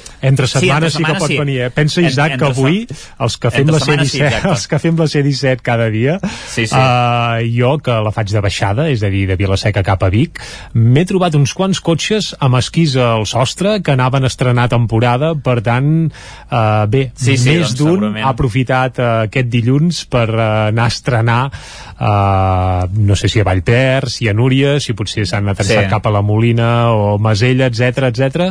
però la veritat és que ni un ni dos sinó unes quantes dotzenes de cotxes amb esquís al sostre doncs avui feien C-17 cap amunt per estrenar la temporada, per tant en aquest sentit sí que mhm. tens raó que al cap de setmana només podreu anar a esquiar la gent del Ripollès si, que, que no aquí sé, un matís, eh Jordi per un això, matís, que, va, matisa. que, el, que el, di, el dijous evidentment la gent ja pot pujar, ah, per també, tant ara també. que, que, sí, que hi ha confinament aquí. comarcal uh -huh. eh, mhm. poden dormir en hotels de la comarca i anar a esquiar, vull dir que clar, clar si el dijous ja són aquí és cert, sí. en teoria s'hi valdria sí, sí, ves donant idees Isaac molt bé, bé, esperem que esperem que aquest brot que aquest brot de coronavirus que aquestes dades que ara mateix són dolentes al Ripollès amainin, que tot plegat davalli i aviam si de cara a Nadal podem tenir unes xifres doncs una mica més suaus i tot plegat eh, no va més. Moltes gràcies Isaac Muntades per fer-nos aquest apunt sobre sobre quina és la situació del coronavirus al Ripollès. Tanquem d'aquesta manera la taula de redacció i el que farem ara és repassar esportivament com els han anat els nostres equips aquest cap de setmana.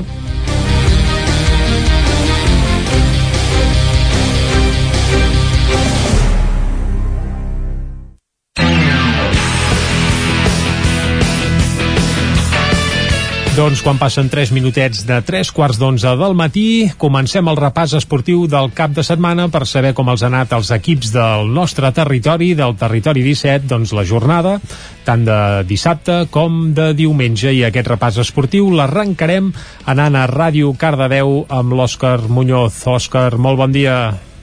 Bon dia. Com ha anat el cap de setmana, esportivament parlant, eh? Doncs bé i malament. Bé i malament, Comencem ara pla, bé, una mica sí. de tot. Doncs, eh? Va, comencem per les bones notícies, que sempre són de més bon pair. Va, què ha Doncs anat sí, perquè bé? victòria imp- el, a l'embol victòria important del Franklin Granollers contra el segon classificat de la Lliga Sobal el Vidasoa Irún Mhm. i victòria important ja que l'equip vol, volia trencar la ratxa negativa de quatre derrotes en cinc partits Eh, a la primera part el Vidasoa Irún va començar, bueno, va aconseguir marcar el pas i marxar al descans per 13 a 15 però a la segona el Granollers va capgirar l'electrònic en una bona segona part i van imposar-se a casa per 30 a 29 el Mhm. pròxim partit dels granoll- granollerins serà aquest dimecres contra el Benidorm, també a casa, i el Balonmanollers suma 8 victòries i puja fins al vuitè lloc amb 16 punts. Doncs aviam si continua futbol- la bona ratxa. Mhm. Sí, i el futbol, doncs, l'altra cara de la moneda, hem derrota de l'Esport Club contra el Sant Andreu per 2 a 0. Em trenca una dinàmica de dues victòries seguides, però bueno, mm, cap endavant. El Sant Andreu, el Sant Andreu que bueno, va portar tota, bueno, va, va portar la batuta durant tot el duel i fins, bueno, i no va obrir la llauna fins al finals del partit amb un gol de, del davanter Vaquero que va fer un gol molt bonic perquè va iniciar la- l'acció de per la banda esquerra i va lluir-se superant els rivals fins a marcar un gol per l'escaire. Que aquest Vaquero no deu tenir lloc- res a veure amb el Vaquero que havia jugat al Barça als anys 90, eh? Intuïm. No, no. Val. Intuïm que no. I això. I el segon gol local va arribar al minut 80 ja per acabar el partit per sentenciar. I això. El pròxim partit del Granollers serà contra el Girona B, que aquest cap de setmana ha guanyat per 3 a 1 i els gironins ocupen el tercer lloc amb 15 punts 3 més que els ballesans Doncs una de freda i una de calenta ens n'ha costat a l'Òscar des de Ràdio Cardedeu, sí? Doncs, sí. Òscar, moltes gràcies. Anem ara cap a Ona Codinenca, on saludarem altra vegada la Caral. Caral, molt bon dia de nou. Hola, bon dia de nou. Va, parlem d'esports ara per això, eh? No parlarem ni de Sí. Reis, ni, ni de festes en xalets de Mira. Sant Feliu de Codines. Esportivament parlant, com ha anat el cap de setmana? Mira, els equips d'hoquei de la zona els hi ha anat molt bé. Uh, comencem pel Caldes. El rec amb les arcaldes uh, s'ha abonat les darreres jornades, el patiment i fins i tot l'agonia, però resolent els partits amb victòries, com també va passar en el partit en l'últim partit a Taradell. Doncs aquest cap de setmana es va imposar el Lloret amb dos gols de Rovira i Mires en els darrers minuts.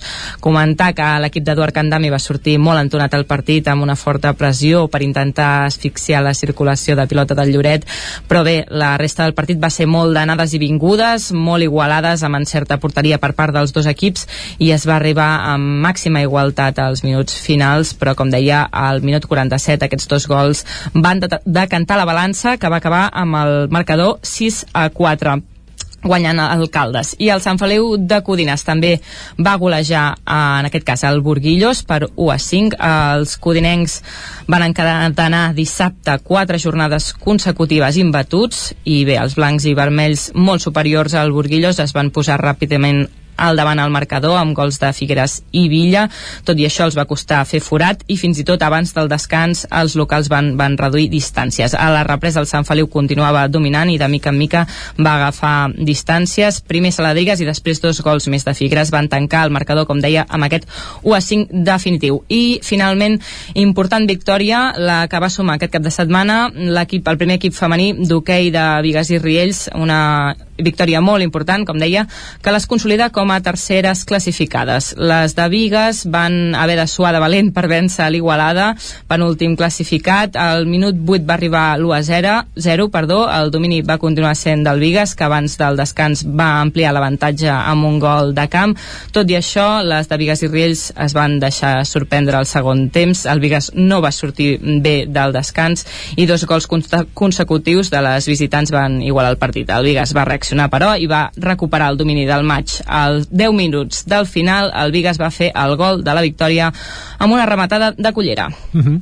Doncs molt bé, Caral, deixa'm fer un apunt, eh? perquè ara em deien, ostres, el Burguillos és un equip d'hoquei de Burgos, i no, eh? resulta que no és de Burgos, el Burguillos és d'un poble que hi ha a Extremadura, a la província Burguillos. de Badajoz, que, uh Mhm. -huh. que dirien, i, i bé, deu ser el millor equip d'hoquei patins d'Extremadura, seguríssim, perquè està l'hoquei plata competint amb el Sant Feliu, per Amb exemple, Feliu. però no és de Burgos. Molt bé. Va, fet aquest uh, apunt geogràfic, uh, ho deixem aquí. Caral, sí? Molt bé, Moltes gràcies perfecte. I anem Gràcies. ara cap al Ripollès, a la veu de Sant Joan, on d'activitat esportiva ja sabem que n'hi ha ben poca, perquè clar, com que només hi ha competicions d'àmbit mm. estatal i d'esports professionals, al Ripollès, Isaac Muntades, no en teniu gaires d'aquests, eh? No en tenim gaires, de fet no en tenim ja, ja ho, Bé, no en tenim cap. bé. Sí, exacte, no, en no en tenim cap fins que no facin una prova d'aquestes així a, a nivell Bé, estatal o amb fins, alguna cursa o fins que el cosa. Ripoll no pugi, Sí. jo què sé, el de futbol a tercera divisió, que potser d'aquí 20 anys hi arriba, o, o l'hoquei Lliga, exacte. o Lliga Plata, això encara ho tindríeu més a l'abast, no sé, el Ripoll o algun altre equip, però bé, Exacte, sembla que de no- moment no, no es preveu, eh? De moment no es preveu, sí que us explico si voleu, ja que avui s'obren les pistes d'esquí, eh, Correcte. una mica com està la situació ara mateix per, per anar a esquiar, ara mateix Mhm. est, eh, estic mirant una mica la pàgina web de Vall de Núria i Vallter 2000 i per exemple a Vall de Núria tenim un gruix de neu d'entre 40 i 70 centímetres de neus pols, per tant Déu-n'hi-do. és bona, és bona qualitat eh, per tant per poder esquiar, ara mateix de les pistes n'hi ha 4 d'11 eh, d'obertes, eh, n'hi ha poquetes també de, de quilòmetres esquiables només n'hi ha el 34% i els remuntadors gairebé funcionen tots només n'hi ha un que no, no funcioni Mhm. per tant avui és un bon dia doncs, per, per anar a esquiar, això que comentaves que havies vist gent que anava amb els esquís per la C-17 doncs eh, eh, Els que vagin a moment- Núria tindran una Sí. bona neu, sí. I a Vallter, sí, què tal? bona neu el, el, temps, el, el, a Vallter eh, també més o menys bé el, Mhm. bueno, més o menys bé pel que fa uh, el que seria el temps que almenys no, no fa mal temps de moment però sí que hi ha menys neu perquè hi ha entre 15 i 40 centímetres de neus pols dura per tant n'hi ha força, força menys que, que Núria però en canvi hi ha més pistes obertes uh, hi ha 7 de les 13 pistes obertes i els quilòmetres esquiables també n'hi ha més, un 43%. El que no funcionen tant són els remuntadors que només eh, en van 10 en van 4 de, de 10. Però, però bé, en principi eh, per lo que fa als graus, que també eh, eh, us dic una mica Sí, per, ens ha dit el temps Pep que Acosta fa. que s'han enfilat, Sí. eh? és a dir, fa entre cometes, perquè, clar, Sí. cal matisar-ho, Sí, però sí. fa calor a alta muntanya, eh? Exacte, a Vall de Núria de fet són 8,8 graus Uh, que no això és està... una calorassa, s'està... Sí, sí, no està malament i a Vallter són 10 i, i això que ara mateix està tapat aquí a, a Sant Joan però, però bé, per, per esquiar no està malament, vull dir que sí avui els que vulguin esquiar eh, s'ho passaran bé Doncs gràcies Isaac per aquest apunt eh, d'esquí eh, acabem el repàs esportiu del cap de setmana anant cap a Osona amb l'Ester Rovira Ester, molt bon dia Bon dia. l'Ester que no sé si és d'esquiar o no Uh, bueno, no, no massa, però, bueno, però sí, sí. Però l'Ester sense- cal però dir sense ex de Sant. Joan de les Abadesses Sí, eh, que sí, tens sí. les pistes de Vallter per exemple a tocar eh? A prop, sí. Va. Uh, avui no hi aniràs pas perquè no. tenim aquí uh, però no parlarem d'esquí, ja ens n'ha parlat l'Isaac parlarem de com els ha anat el cap de setmana esportivament parlant els equips d'Osona i per on comencem? Comencem per l'hoquei Lliga, uh, perquè majoritàriament uh, el que teníem més era, era hoquei. Uh, en el cas d'això de, de l'hoquei Lliga, dues derrotes uh, del Voltregà i del Taradell. Recordem que el Vic encara arrossegava uh, baixes Clar, per per tant, no ha positius. pogut perdre perquè no ha jugat no ha el Vic, jugat, eh? exacte, perquè eh, doncs va, va acumular diversos positius de coronavirus i encara tenia baixes importants aquest cap de setmana i posant-se d'acord amb la federació van aplaçar el partit que teníem al Noia i per tant eh, només jugaven el Voltregà i el Taradell que com dèiem han patit dues derrotes. En el cas del Voltregà immerescuda pels mèrits que van fer els voltreganesos a la pista de, de Lleida i al migdia. Um, un Lleida que juga a lloc no juga a la, a la seva El pista. pista blava, i exacte, i per dos uh, a 1 uh, en un partit on els locals es van posar per davant uh, de seguida uh, i després la resta del partit el Voltregà va portar el pes, va dominar el partit però li va faltar punteria i per tant no va ser capaç de, de remuntar i es va haver de quedar amb aquesta derrota. I en el cas del, del Taradell uh, era complicat perquè rebia ahir vespre al Barça. casa el Barça va perdre per 1 a 7 hem de dir que dels 50 minuts en va aguantar ben bé 15 però un cop els Blaugrana van aconseguir fer forat a la porteria eh, van agafar el control del partit i els gols van anar, van anar caient fins a aquest 7 um, i fins al final el Taradell va poder fer el gol de l'honor però també s'ha de dir uh, que no van deixar de buscar-lo per tant bé, el Taradell que va fer tot el que va poder Vaja, que va davant- caure amb el cap ben alt. Sí, diguem, eh? sí, sí, uh, contra el Barça quan Ja ets, sap, quan és ets un altre Taradell nivell, sí, exacte, sí. quan ets el Taradell doncs uh, és, el, és el que acostuma a passar Però vaja, l'any passat el Taradell va guanyar el Liceu, per sí, exemple. sí, sí, eh? no, Però no, vaja. i em sembla que hi tenien esperances també els del Liceu que tornés uh, Sí, sí, a fer el mateix amb el segurament. Barça però, però No bé, en tot cas no sempre pot, pot passar Molt bé, deixem l'hoquei Lliga masculina. Sí, a la femenina, el, i a la femenina uh, uh, ben bé just al contrari, uh, victòries novament dels dos conjunts usonencs Un a la clàssic, competició. ja. Mhm. En el cas de, del grup A, el Manlleu anant de golejada en golejada més, aquest cop uh, fent un 9 a 0 al Cuenques uh, Mineres, uh, per tant, partit plàcid i sense cap història, Una el, de el del Manlleu, sí. Mhm. I en el cas de, del Voltregà, uh, també uh, en el seu cas uh, era a domicili i en una pista més complicada perquè visitava el Vilassana, però va poder imposar-se per 2 uh, a 5 uh, gràcies doncs, a la seva efectivitat uh, sortint al, al contraatac, per tant victòria important en el cas de, dels dos equips per mantenir-se segons els seus uh, respectius grups en el cas de, del Voltregà uh, a un punt del Palau que és el líder i en el cas del Manlleu a un del Cerdanyola que ho és del, del seu però hem de dir que les manlleuenques tenen dos partits menys que el Cerdanyola per tant segurament eh, tot fa pensar que aquesta classificació canviarà, Canviarà, quan, i tant, i tant quan sí. juguin els partits Anem a l'hoquei Lliga Plata. a l'hoquei Lliga Plata també victòria treballada de, del Manlleu davant el Xum, uh, 1 a 0 uh, en aquest cas um, i bé um, Uh, un resultat de futbol, eh? No sí, no, no, exacte. Però, però bé, en tot cas uh, recordem que els uh, manlleuencs van perdre dimarts en el partit que tenien endarrerit contra el Sant Just uh, amb, en el qual jugaven el, el liderat i per tant era important retrobar-se amb, la, amb la victòria uh, que ara mateix els deixa tercers a la, a la classificació d'aquest grup nord de l'hoquei Lliga Plata on, on militen. I acabem amb un parell de, de punts més. Uh, un de, de bàsquet per destacar una victòria còmoda del Club Bàsquet Vic aquest cap de setmana a la pista del Jack Sants per 46 a 80 Uh, que es pallissa. diu, sí, que es diu ràpid Mhm. hem de dir que el Sants eh, eh, no tenia pista fins ara i per tant no ha pogut jugar eh, els seus partits per tant No tenia pista? no tenia, perquè bé la, sí, a l'Ajuntament de, de Barcelona doncs, no els havien facilitat les, les coses per, per disposar-ne uh, en aquesta situació de, de pandèmia amb instal·lacions uh, doncs, uh, Sí, sí, tancades, municipals i tancades i per tant fins ara no havien pogut començar els altres juguen de manera anòmala perquè recordem que el bàsquet també venia d'una setmana de descans perquè el que hem fet en aquest grup de la Lliga EVA és um, uh, Sí, que juguen dues jornades i en fan una de descans per poder recuperar partits endarrerits, per tant tot això va suposant un trencament del ritme de competició, però bé, en tot cas n'havien jugat més que no pas els seus rivals que, com es mostra en el marcador, doncs els falta molta, molt ritme i molta, molta dinàmica de partit. I en futbol eh, destacar també que eh, el Vic Riu primer de la nacional femenina eh, va aconseguir un empat a la pista de, de l'Igualada, un empat a, a un gol.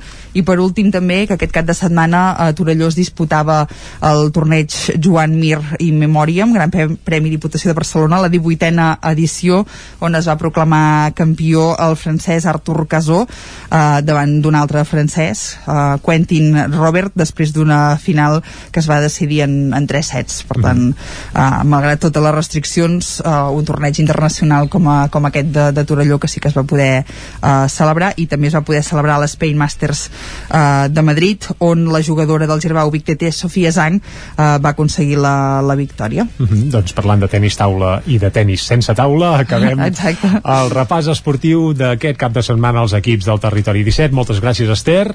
Nosaltres ara recuperarem de nou la informació de les nostres comarques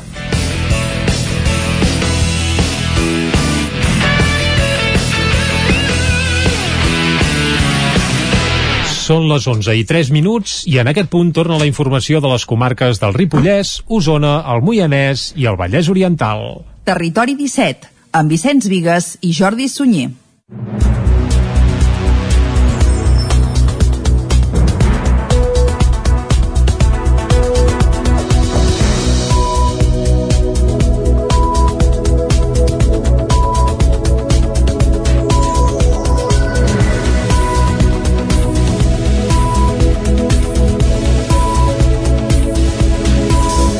I aquest cap de setmana també s'han conegut les llistes de Junts per Catalunya i d'Esquerra a les properes eleccions al Parlament de Catalunya. Caral Campàs, des d'Ona Codinenca. Joan Canadell de Vigues i Riells serà el número 2 de Laura Borràs a les eleccions al Parlament de Catalunya del 14 de febrer. L'actual president de la cambra ha guanyat les primàries de Junts a Barcelona per més de la meitat dels vots emesos, 1.269 vots que suposen el 55% dels suports. La portaveu del govern de la Generalitat i exalcalde l'alcaldessa de la Garriga, Meritxell Budó, ha estat la sisena més votada amb 31% de suports i 713 vots. Per la seva banda, Anna R, alcaldessa de Vic, se situa en desena posició. Entre els candidats també hi havia Enato Domingo de Castellterçol, que ha obtingut 199 vots, és a dir, un 8% dels suports, i la calderina Roser Xalabarder, que n'ha obtingut 44. Aquest cap de setmana també s'han conegut les llistes d'Esquerra al Parlament. La regidora republicana a Caldes de Montbui, Maria Àngels Llibe, formarà part per primera vegada de la llista. Ho farà en el número 22. També hi serà en aquesta llista l'alcalde de Vigues i Riells, Joan Galiano, en 34è lloc. Els ballesans més ben posicionats a la llista dels republicans són Josep Maria Jové i Shakir El Homrani, números 5 i 9 per Barcelona. Preocupació a Manlleu, Torelló i l'Esquirol pel macroprojecte d'un parc fotovoltaic de 400 hectàrees. Una proposta que els tres ajuntaments han rebutjat perquè el consideren desmesurat tot i apostar per les energies renovables, no volen ser partíceps d'un projecte que pot suposar un impacte ambiental, paisatgístic i sobre el món rural sense precedents. Els ajuntaments de Manlleu, Torelló i l'Esquirol suposen frontalment a la creació de dos parcs fotovoltaics de 432 hectàrees en una zona on ara hi ha camps, granges, passos de pastures i cases de pagès. Un projecte que d'entrada es projectava en paral·lel a la via del tren per una banda i el santuari de Puigdegut i Lourdes limitarien els dos camps. Un projecte que comportaria un impacte ambiental paisatgístic i sobre el món rural sense precedents i que els tres ajuntaments consideren desmesurat. Enric Vilaragut és el regidor de Serveis Territorials de l'Ajuntament de Manlleu. És l'equivalent de 400 camps de futbol plens de plaques. Això no es pot acceptar i el que volem és, evidentment, aturar aquest, aturar aquest projecte, que l'aturarem, i sentar-nos a parlar i, i, i posar-hi seny d'alguna manera. El projecte l'ha presentat una empresa d'enginyeria de Barcelona i Plan Gestió Integral que habitualment treballa per grans multinacionals de l'energia com Endesa o Red Elèctrica. Els ajuntaments de Manlleu, Torelló i l'Esquirol ja han mostrat el seu desacord a la Generalitat. Asseguren que volen apostar per les energies renovables però de forma sostenible. Marçal Ortuño és l'alcalde de Torelló i Àlex Muntanyà, el de l'Esquirol. Cal avançar molt i molt de pressa en el camp de les energies eh, renovables, però que la transició energètica no es pot fer a qualsevol preu. Estem en aquest moment importantíssim com a país, com a comarca, de fer front a la transició energètica. És uh, una prioritat uh, europea i hem de ser capaços de, de fer-hi front. Això no vol dir que haguem de pervertir-nos i hipotecar el territori altres municipis també han rebut la petició per instal·lar plaques solars. Empreses del sector ofereixen lloguers de 1.500 euros per hectàrea a l'any durant 30 anys. Davant d'aquest fet, el Consell d'Alcaldes i Alcaldesses d'Osona ha acordat elaborar un pla comarcal d'energies renovables per marcar els criteris. Sant Quirze de Safaja rep el reconeixement de l'Agència Catalana de Residus per ser el municipi amb millors dades de recollida selectiva de tot Catalunya. Caral Campàs, des d'Ona Codinenca. Amb un 92,8% de recollida selectiva total total ben reciclada, la població moianesa encapçala la taula de municipis que millor gestionen els residus al país durant el 2019. De fet, Sant Quirze va canviar el sistema de recollida selectiva a finals del 2018 i és el primer any que utilitzen el porta a porta. Anna Guixà és l'alcaldessa de Sant Quirze. Exacte, és a dir, el 2018 nosaltres encara funcionàvem amb contenidors al carrer i va ser doncs, el 8 d'octubre del 18 i per tant doncs, ja a partir del 2019 que vam implantar el porta a porta amb les 5, 5 fraccions i que ens ha permès, ens ha permès doncs, que el reciclatge es faci molt ben fet des de casa i que ja partim de cara al, a l'habitant de que genera, bueno, recicla millor els residus i per tant doncs, ens ha permès doncs, que mm, augmentem molt més l'orgànica i reduïm molt més el que seria el residu de la resta. Sant Quirze va passar d'unes dades de recollida selectiva ben reciclada en torn al 30% a superar el 90%, un model que s'aplica també a d'altres municipis però sense tanta efectivitat. Des de l'Ajuntament han potenciat aquest canvi de recollida selectiva amb un educador ambiental que ajudava a comerços i veïns. En el sentit des de que hem explicat molt bé a la gent com s'ha de reciclar, vale? perquè no és tan senzill com donar-li uns cubells i un calendari, de dir, mira, de treure els residus aquests dies, sinó que els hem explicat què s'ha de treure en cada, en cada dia i en cada residu que toca, vale?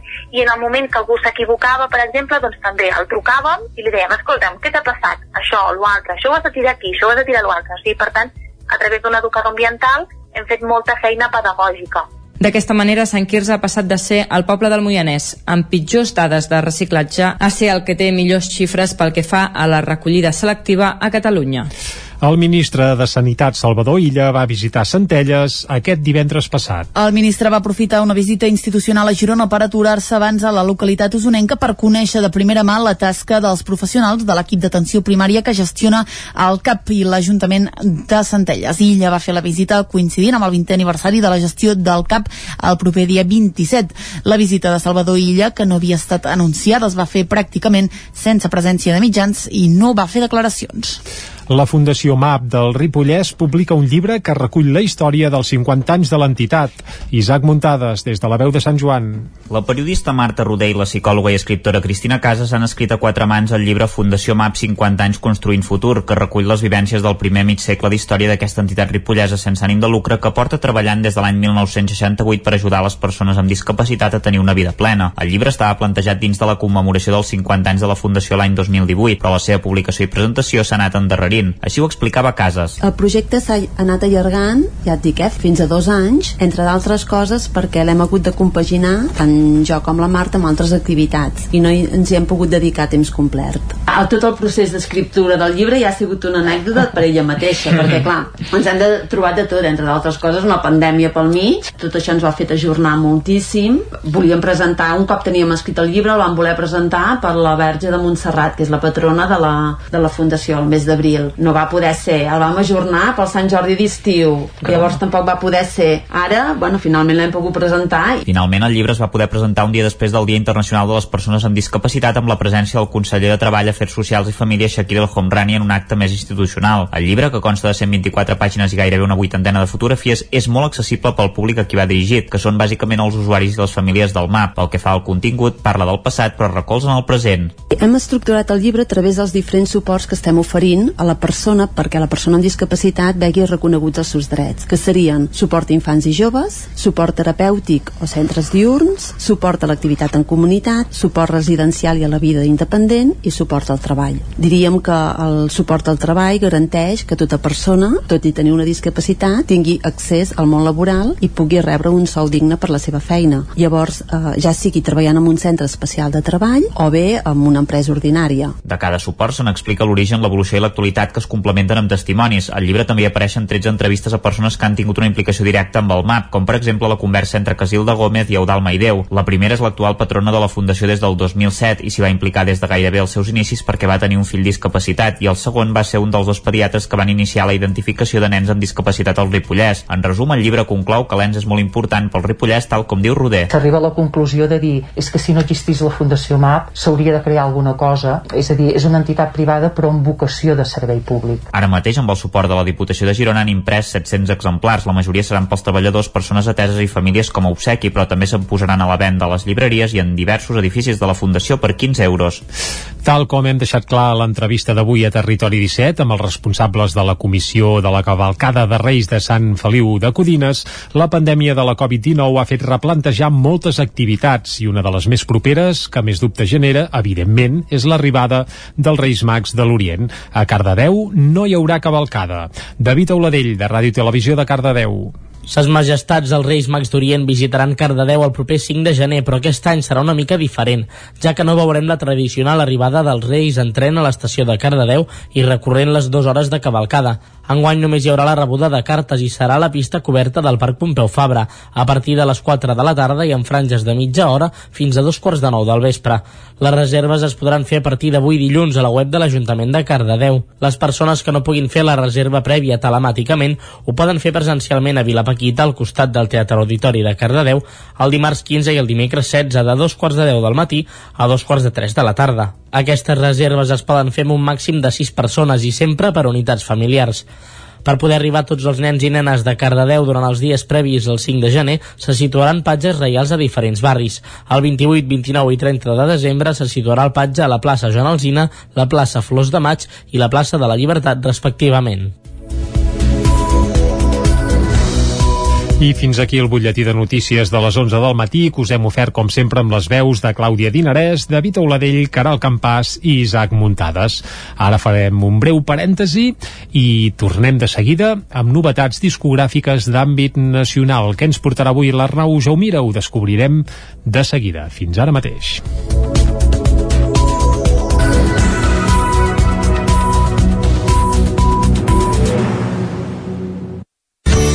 Territori 17. Envia'ns les teves notes de veu per WhatsApp al 646 079 023. 646 079 023. WhatsApp Territori 17.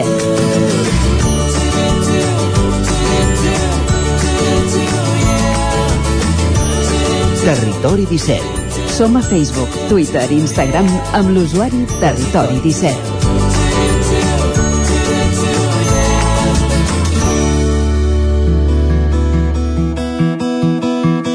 Ja no sé quin dia visc esperant que surti el sol se'm fa de nit tu sembles tan feliç jo em faig patir tantes coses que només sap el meu coixí les merdes que no et vaig dir. Que tot el que em callo acaba cremant per.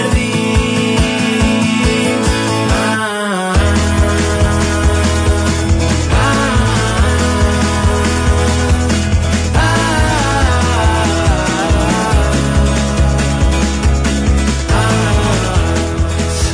Un quart de 12 del matí, seguim en directe aquí a Territori 17 i ara el que fem és parlar de novetats discogràfiques d'àmbit nacional. I avui l'Arnau Jaumira, jo he parat molt bé l'orella i em sembla que ens porta el que serà un dels discos de l'any.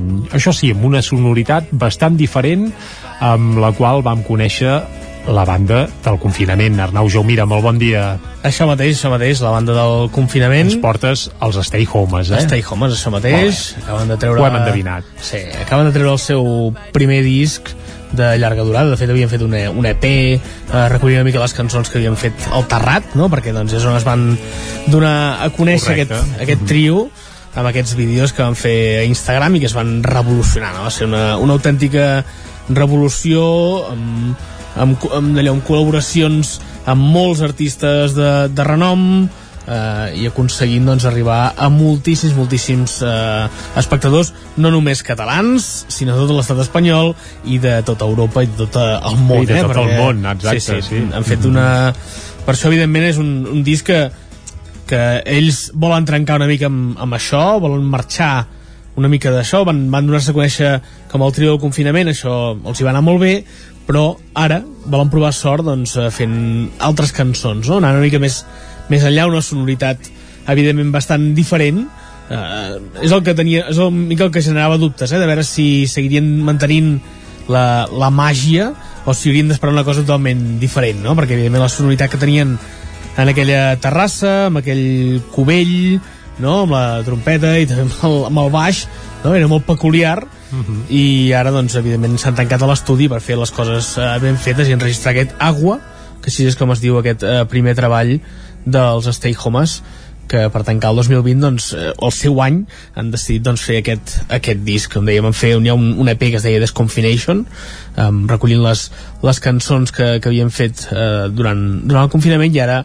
doncs aquest, eh, aquest primer, primer disc. Per cert, la cançó que ens has eh, posat per arrencar-ho tot plegat és Les Merdes, em Això mateix, sembla. sí, sí. Eh, no n'han posat cap d'aquelles que van estrenar durant el confinament, oi? O, o sí? Aquesta eh, em diuen que és una de les que, que van fer que parlava de, de, que no parlava de la pandèmia Mhm. que, o sigui, no, aquesta no d'aquell, de com deia, això de, de, del terrat i no t'ho sabria assegurar del tot, eh? perquè n'hi ha alguna que dubto de si no havia sonat primer la, a la terrassa i després eh, aquí al disc, però en general són tot eh, temes eh, nous, eh? són 12 temes, per tant no està malament i doncs escoltàvem com deies això, eh? la, les merdes que és el, la cançó que obre aquest, aquest disc i que parla una mica de, de, de poder cantar encara que estiguem al pou, diuen ells, no? i que, que la gent doncs, li sembli igual, igual de bé eh, parla del dol i del mal, del mal perdre que has tingut en una, en una relació és el que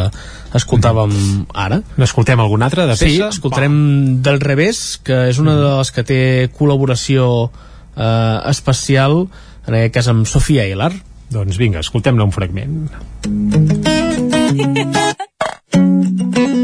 When we go out the street, a chupa chubby. Longy, baby. Tell em clau. I aquí està sol i no pot veure els seus amics. I jo que visc a més ja s'han cansat de mi. I aquí troba a faltar la família. I aquí estan els pares tot el dia discutint. Quan surti d'aquí estaré full equip. Quan surti d'aquí s'ha acabat el parxís. Quan surti d'aquí la Torre Eiffel Paris.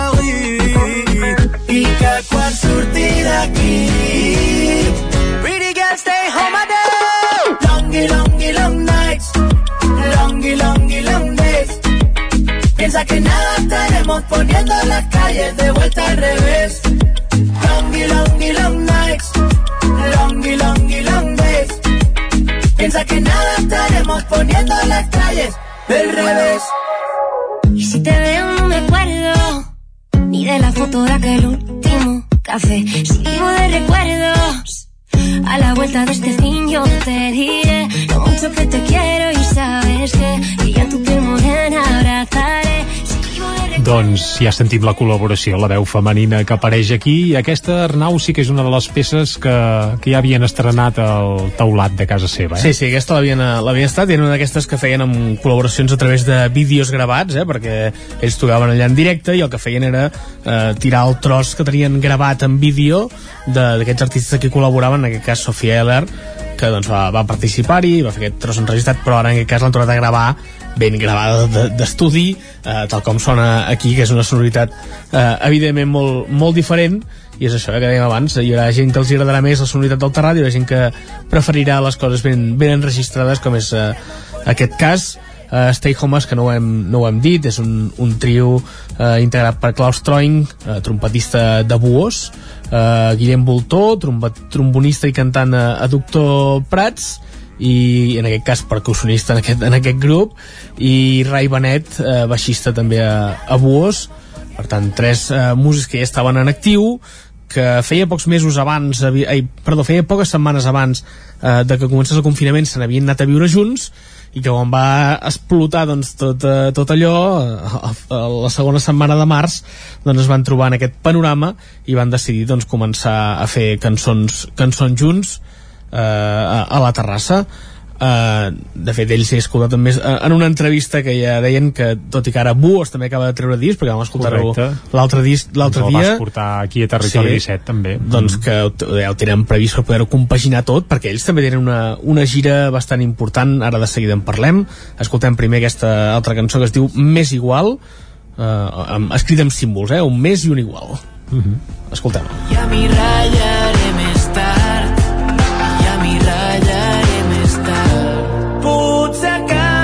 sota el far però avui m'ho clavo i m'és igual. Sé que no n'hi haurà per tant. De poc És,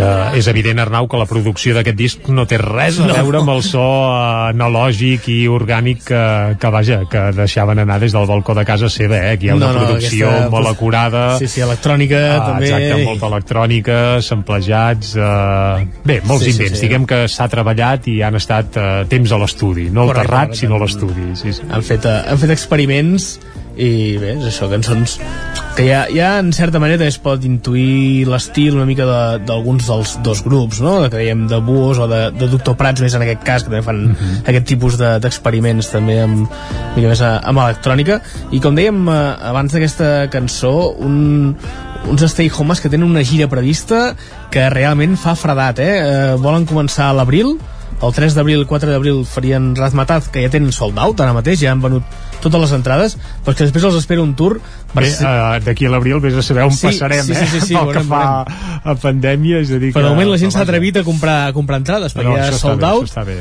uh, i després d'això tenen prevista ja una gira per, per l'estat espanyol passant per Sevilla, Granada, Màlaga Les Palmes, Tenerife, Bilbao uh, Pamplona, però que més tard eh, al maig ja se'n van cap a Amèrica Llatina, se'n van a Mèxic, a Colòmbia, a Xile, a Uruguai, a Argentina, i després tornen a, aquí, però fan per Europa, per Londres, París, Brussel·les, Madrid, Santiago de Compostela i Milà el juny de l'any vinent. Per tant, Carai. tenen una, una gira ara mateix tancada, que com dèiem abans ha estat un fenomen eh, a tots els nivells i, i així ho demostra no? això que tinguin ja contractacions a tants llocs. Bé, més enllà dels països catalans i tot, sí, sí, això, això està bé. A Amèrica Llatina n'hi ha mm. moltíssims, també a la resta d'Europa, per tant, molts, molts concerts d'aquests stay homes.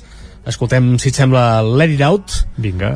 Una altra d'aquestes cançons que forma part d'Agua, el disc que estem presentant avui de, de Stay Homes. Doncs escoltem-lo.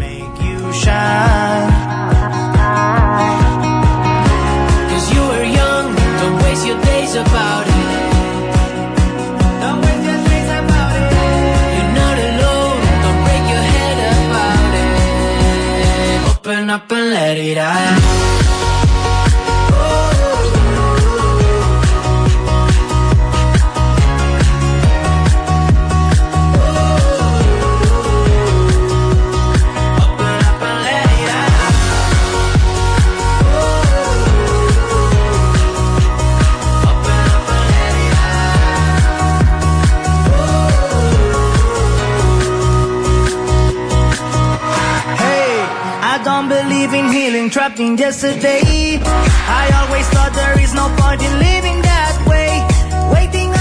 Doncs així sona el nou disc de... Bé, el nou i el primer disc dels Stay Homes, Sí, sí, que el és evident que són el gran grup d'aquest 2020 i bé, el seu any que va arrencar primer amb el seu naixement, després amb el seu esclat arran sobretot del confinament i que ara continua amb aquesta edició del seu primer disc, Agua, que ens has acostat avui aquí a Territori 17, Arnau. Un Això disc mateix. que segurament estarà a tots els llistats de més venuts de l'any i, pinta, té pinta. i vaja, i també dels més punxats a Spot i plataformes, etc etc. Sona, mateix. sona bé i promet, promet, i tant que sí. Molt bé. Doncs, Arnau. eh, acabem amb, amb Mare, que és la segona part de, de les merdes de, del principi. Doncs Que vinga, amb això acabem la secció d'avui de novetats discogràfiques aquí a Territori 17. Us deixem un fragment d'aquesta peça, tornem a dos quarts en punt, descobrint Catalunya. Fins ara.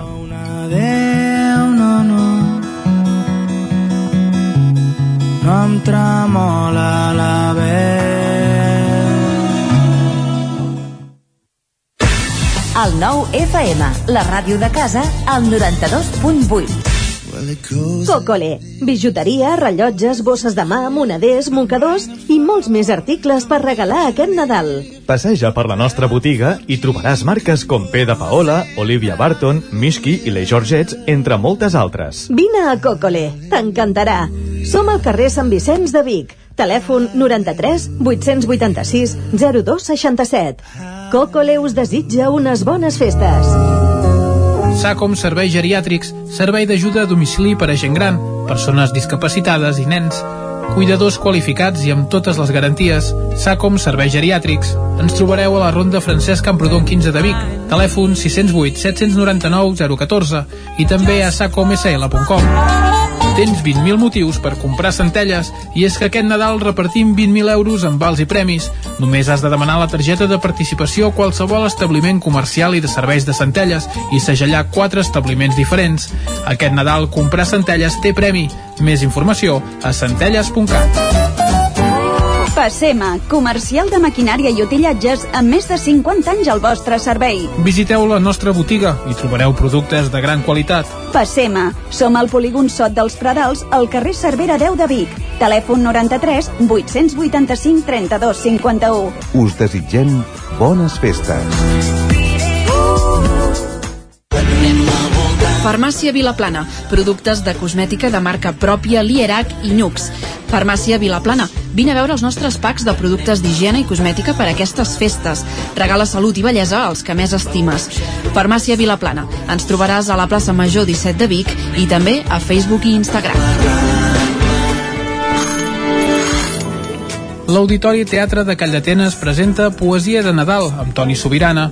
El 20 de desembre a dos quarts de sis, Poesia de Nadal a l'Auditori Teatre de Calldetenes. No em trec la imatge dels nens amb cara de velocitat baixant per la pista vermella. Sí, molt divertit. I quin fred. Uh. Tranquil·la, he deixat l'estufa encesa i la casa està calenta. Sempre tenim sort de comptar amb Corretja. Són especialistes en aïllaments i estufes.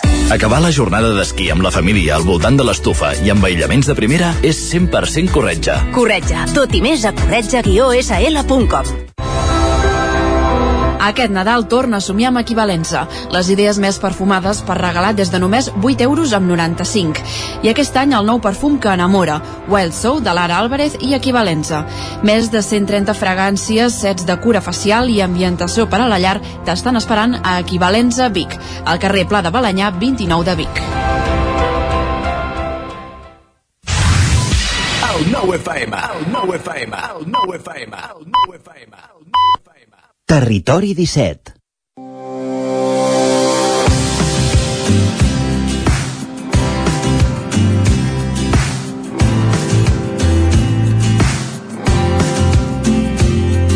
Doncs aquests dies volem conèixer diversos pobles del Vallès Oriental. Comencem per Llinars del Vallès, d'on us proposem alguns llocs d'interès per visitar. El primer que us proposem és el Castell Nou de Llinars. Dins el mateix nucli sobre el Turó dels Corbera, és un dels millors palaus renaixentistes del segle XVI conservats del país. Es va construir per encàrrec de Riambau de Corbera i Sant Climent entre el 1548 i el 1558, després de l'ensorrament del Castellvell 100 anys abans. Actualment s'hi fan visites guiades en dies concrets i s'obre al públic per activitats, concerts i fires. També s'hi conserven les úniques pintures paganes ben conservades del segle XVI al país. El castell vell està situat sobre les possibles runes ibèriques i romanes del poblat al segle IX, a l'est del coll de Can Bordó i a 401 metres d'altitud. El 1458 va ser enderrocat per culpa d'un terratrèmol, però es poden visitar les seves restes i pujar a una de les estances sense parets. I prop del castell vell podeu visitar el jaciment ibèric del Turó del Vent, situat en un punt que domina un pas natural a través del corredor i comunica la plana ballesana amb el Maresme. Es conserven encara les columnes d'entrada al poblat. Seguim el Montnegre corredor i us proposem pujar fins a la Torrassa o Torre del Moro, una torre cilíndrica lleugerament cònica que presenta una base d'època romana de nou filades i un nivell superior medieval de pedra de granit més petita i amb zones irregulars. Restaurada fa uns anys, ara és visitable tots els dies de la setmana i des del punt alt de la Torrassa es pot veure tota la plana del Vallès, el Maresme i el Tibidabo. I al costat de la Torrassa trobem en plena reconstrucció l'ermita de Sant Sebastià. Abans de tornar al centre del poble us proposem visitar les petites ermites de tres dels quatre barris dels afores de la vila. L'ermita de Sant Esteve del Coll, situada a l'urbanització Sant Josep, l'ermita de Sant Joan de Sanata, situada a la barriada de Sanata, i l'ermita de Sant Sadurní de Collsabadell, del barri de Collsabadell. Finalment, us proposem acabar visitant la parròquia de Santa Maria del Prat, restaurada recentment però amb clars estirs romànics. A més dels espais d'interès, que com podeu veure la majoria són en muntanya, també podeu visitar el museu i el fons Joan Pla i Gras, situat a la planta baixa de l'Ajuntament.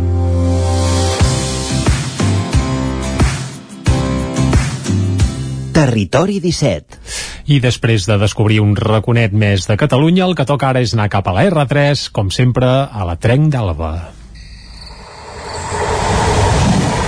A Tren d'Alba, Cada dia els usuaris de la línia R3 de Rodalies que veuen sortir el sol des d'un vagó ens expliquen les gràcies i les penes del primer comboi que uneix Ripoll i Barcelona.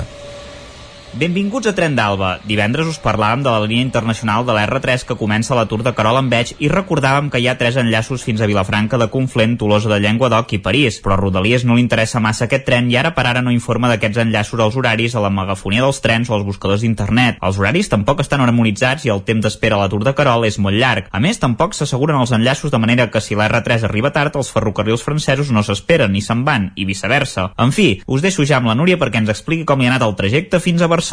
Bon dia des de l'R3. Déu-n'hi-do quin periple avui amb el tren. Primer de tot, ja ha sortit tard per variar des de Vic. En aquest cas, avui ho he aprofitat, perquè com que ja sabia que sortiria tard, he pensat que si no agafava aquest, agafaria el següent, que total la diferència d'arribada a Barcelona és de 5 minuts. M'ho he agafat amb calma i efectivament quan he arribat a l'estació, que ja passaven 5 minuts de l'hora oficial que el tren hauria hagut de sortir, encara estava allà tan tranquil·lament. O sigui que he arribat tranquil·la, m'he pogut asseure i tot quan se suposava que ja havíem d'estar camí cap a Balanyà. Els cotxes seguien glaçats. Avui al vagó hi havia tot de xavalins futbolistes, però avui ja no ha estat tan agradable el viatge. Estaven especialment agitats, fotent cops de tot arreu, amb músiques que hi havia un pupurri que escoltava la seva, parlaven superalt, sense cap mena de respecte pels altres viatgers i viatgeres de les, del vagó. Bueno, de tanta agitació que portaven, fins i tot s'han decidit que un grup tots junts anirien a liar-se un porro al lavabo. No sé, tot plegat ha estat com molt desagradable. A Sant Martí de Centelles ha arribat una altra remesa de futbolistes, aquests potser estaven una mica més calmats i per sort, perquè aquests es seien ben bé a prop meu. Anaven parlant tan aviat amb un usonenc genuïdo que cordes, com amb un madrilenyo de carrer també molt autèntic. Miraven videoclips, no sé si del YouTube o del TikTok, però han estat, ha estat ben trist escoltar algun comentari ben masclista. Quina llàstima que encara calgui demostrar la masculinitat amb accions d'aquest tipus quan no aporten res. Penso que a les escoles precisament estem intentant fer una prevenció però que d'alguna manera no acabem d'encertar. En fi, constato que el tema de la marihuana era recurrent, aquests també en parlaven sovint i anaven parlant també de què en necessitaven. S'ha obert un debat sobre què era més important, si saber la nota final d'una assignatura o poder veure l'examen i cap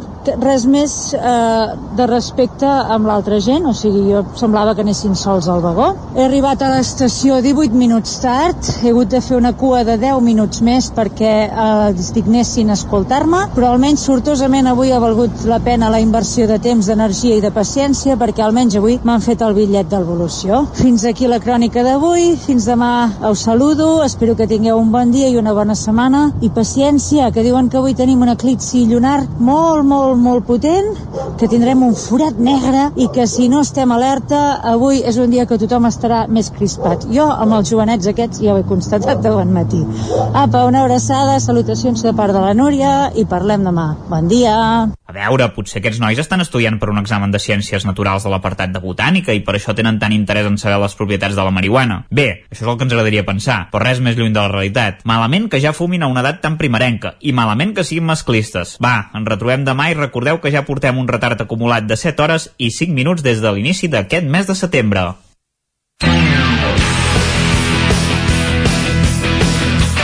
Doncs abans d'anar cap a la tertúlia esportiva apuntem que aquest eclipsi lunar al qual feia referència la Núria des de la Trenc d'Alba des del territori 17 no s'acabarà de poder veure. Per tant hauríem de viatjar i molt lluny per poder-lo això, eh, copsar i veure presencialment. Però bé, avui dia internàuticament es pot veure tot. Per tant si us poseu davant l'ordinador segur que algun raconet el podreu veure però no parlarem pas d'eclipsis o potser sí, sinó que el que ens toca ara és parlar de futbol i és per això que ja tenim els tertulians habituals, el Guillem Freixa, Lluís de Planell i Risaac Muntades. Molt bon dia a tots tres. Bon dia. Bon dia. Avui tots tres bon en teoria molt contents perquè tothom ve amb victòries al cabàs, l'Espanyol fins i tot també. Bueno, L'Espanyol aquest any, déu nhi eh? va guanyar 0 a 3, però parlem ara primer de tot de primera divisió. El Real Madrid va guanyar el derbi amb l'Atlètic per un just 2 a 0 i el Barça, bé, pràcticament podem dir que va passar per sobre del Llevant amb un 1 a 0 apretadet, això sí, eh, amb com Bé, anava a dir demanant l'hora, però Messi tornant a jugar com ens tenia acostumats, posant-se l'equip a les espatlles, fent el golet ell i tres punts cap a casa. Sí. Bé, sí. després d'aquest apunt i aquest dibuix, ara ja us deixo anar a vosaltres no. qui poseu cullerada. Jo entenc que hi ha un eufòric que s'han jugat a les abadeses, perquè han, han passat una setmana fantàstica. Sí, Home, el Madrid sí, sí, venia és. molt tocat i com qui no vol la cosa, guanya un partit a la Champions i es classifiquen primers de grup i tot, guanyen el derbi amb el Madrid i una setmana allà on semblava que hi hagués crisi i que tot anés fatal, eh, heu aixecat el vol, Isaac, eh? De quina manera? Com canvien sí, sí, les ja coses estem. en quatre dies? ja estem veient la Lliga, eh? ja l'estem tocant, eh, pràcticament. I la Champions també, no? I la, i, la, eh? i la Champions, després d'aquesta...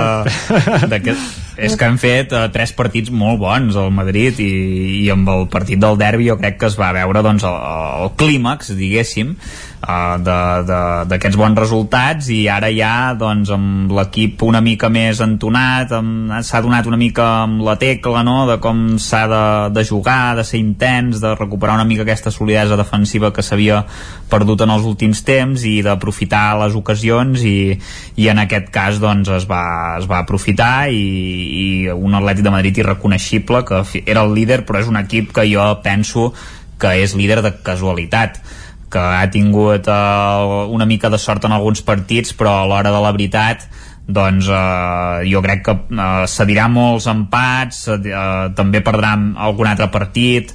Vull dir que l'acabarem avançant perquè no, no, és un, no és un equip que faci 4 o 5 gols a cada partit i jo crec que el Madrid encara té una mica més de gol que l'Atlètic. Sí, és líder, el líder és la Real Societat ara, això sí. No, amb, sí, ara el líder és la Real Societat, exacte. Amb, amb 16 o 17 jornades li han fet 4 gols, eh? Uh mhm. -huh.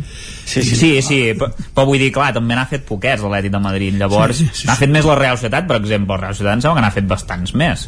Uh, no sé si... N'ha fet 23, la Real Societat és el màxim sí. golejador ara mateix de la Lliga, n'ha fet més que el Barça, mm, que en porta 21, sí. que és el segon màxim realitzador i bé, 23 la Reial Societat que per cert dimecres partidàs, eh? Reial Societat-Barça uh, el Barça que ja ha començat a retallar distàncies uh, partidàs a... o, o quina por no? no, no, no, no sabria com analitzar-ho sí, no, no. perquè Uh, clar, sí que és veritat que uh, d'una banda això, eh, el, el Madrid sí que setmana rodona per als seus interessos, fa una setmana uh, aquí comentàvem una, una situació realment força diferent, no? amb un Barça que havia fet una gran actuació a la Champions, que tenia pràcticament lligada a la primera posició de grup, uh mhm. -huh. que el Madrid, en canvi, que s'havia de jugar fins i tot al passi eh, entre setmana, i en set dies eh, s'ha girat la truita sí. i aquest migdia el sí, Barça, sí. pobre Barça eh, contra el Bayern esperem que sí, que, que li toqui el... Bé, ara quan acabem territori 17 començarà el sorteig sí, que així exacte. ho podem seguir tot doncs aviam, aviam què passa sí, però ja està, ja està, ja està manyat ja toca ah, sí? ah, sí? Ja, sí, sí, sí, sí, l'Isaac, sí, sí. l'Isaac ja ha anat allà Carai, ja has anat a escalfar les boles he, he, he escalfat les boles amb una mica d'aigua calenta i ja ho tenim això i el ja. Barça jo crec que de, que el malalt crític ara el tenim greu podríem dir, no? després d'aquesta victòria de, contra el Llevant, victòria una mica pírrica 1-0 contra el Llevant jugant en el teu estadi que ja sabem que no hi ha la variable del públic però jugant a, a, a casa patint en el tram final a l'inici del partit eh, parada estratosfèrica de Ter Stegen mm, no sé, hi ha coses que eh, més enllà d'aquest 1-0 que pot ser eh, que el, el Llevant et compliqui el partit i que vagis 1-0 però que sorprèn també és el plantejament del Barça en els últims minuts sí. el Barça continuava corrent amunt i avall eh, fins al minut 95 agafant la pilota, corrent amunt tornant enrere eh, no sé, coses que eh, jo crec que amb l'última dècada o amb els últims eh, pràcticament 12 anys de, de Barça crec que s'havia, no sé, ens havíem impregnat d'un ADN, d'una manera de, de jugar, d'una manera de ser, que aquestes corregudes amunt i avall del camp i no voler tenir el control, que s'havia passat pàgina, però ja veig que el, el mal d'aquests darrers temps eh, ha sigut a les oficines i, i també al camp, perquè eh, no pot ser que això, eh, que amb un 1-0 el partit encara obert eh, sabent el que t'hi jugues, en comptes de voler tenir el control, que és el que el Barça sempre ha defensat o la filosofia que més ha triomfat en el Barça en els últims anys, doncs en comptes de voler tenir el control que continués corrent amunt i avall i que facis entrar un defensa eh, com un Titi que el que farà encara és acular molt més el, el, a l'equip, que no reforcis al mig del camp no sé, uh, tot és que el Llevant ha guanyat dos partits aquesta lliga és en sí, zona sí. de descens, eh? vull dir que esclar. i et va tenir contra les cordes ja sé que també deu fer l'actitud la, i la, el nerviosisme en Jordi ha dit que el Barça va passar per sobre del Llevant eh, Bé. per passar per sobre el, el Llevant s'ha d'estirar perquè si no no hi ha manera que passi per sobre perquè és que... Era una descripció del que va passar al marcador uh, sí, després, clar, prou. al camp uh, altres coses, sí, sí i prou, perquè uh, els últims 10 minuts sí, sí. Van, ser, van ser bèsties i això que sí, feia sí. el Barça històricament de defensar-se tancat el Llevant, eh? sí, sí. exacte sí, sí, és que eren pràcticament tots a dintre l'àrea sí, sí, llavors, és que hi va va dir que va haver una jugada a l'últim segon que va xutar un, sembla que un jugador es diu Son sí. que va xutar i que la va parar el Ter Stegen que jo ja pensava, dic, ostres, veia el meu pare allà davant patint, que estava a punt de morir d'un infart i jo allà, aviam si la fica si la... No, no la va, el teu no pare és del Barça, eh, Isaac? Sí, és, eh? és del Barça, és del Barça Molt bé. I, i, i ostres, els últims 10, 15, 10 minuts sobretot ostres, que el, que el Barça faci un canvi, ara ho deia, eh? Que tregui un, uh, posi un tití al camp i tregui uh, Griezmann em sembla que era, no? Sí, Griezmann. I, i, i bé, uh, uh, rebés les ocasions que va rebre, tampoc no va rebre ocasions amb molt de perill, però uh, no. uh, centrades constants a l'àrea, corners, vull dir... No, i la sensació que el Llevant et domina, sí, no? Vull dir, Exacte. Clar, si el llevant sí, et sí. domina i tu no, això que deia ara en Lluís també, no, no tens la voluntat de voler defensar amb la pilota, és que hi ha alguna cosa que falla eh, en els fonaments de, de l'equip. I va anar just com no xiulen penal a l'Untité. A l'Untité, que sí, sí. Que llavors ja hauria estat el, el còmode dels còmodes. Clar, perquè... Era penal, eh? Bé. Home, o no, escolta, clar, tu, l'Isaac Montades va veure penal, no en tinc cap dubte, però és jo, evident jo, que l'àrbitre no va veure penal, clar. El bàrbitre sí, sí. El bàrbitre, digue-li com vulguis. Jo amb aquestes, amb aquestes mans jo no xiularia penal, però altres vegades s'ha fet perquè sí. que, que jugues amb foc, no? No hi veig intenció de, de, de jugar la pilota amb la mà i de desviar-la i per tant jo, jo entenc que quan la pilota va a la mà eh, no ha de ser penal no. i quan la mà va a la pilota amb intenció de desviar-la llavors sí i en aquest cas sem sembla molt clar que no però de totes maneres en altres circumstàncies s'ha marcat penal eh? sí, sí. no, vull dir que aquestes situacions també ja venen donades d'aquest desgavell perquè eh, vull dir en els últims instants més enllà de que vagis 1 a 0 que ja podria ser tots els partits costen molt i el futbol, tots els equips són superprofessionals a dia d'avui, però que el Llevant eh, et tingui amb aquest 1-0 fins al final i que en els últims instants no sàpigues eh, deixar passar el temps, eh, mantenir la possessió, que no t'arribi el llevant.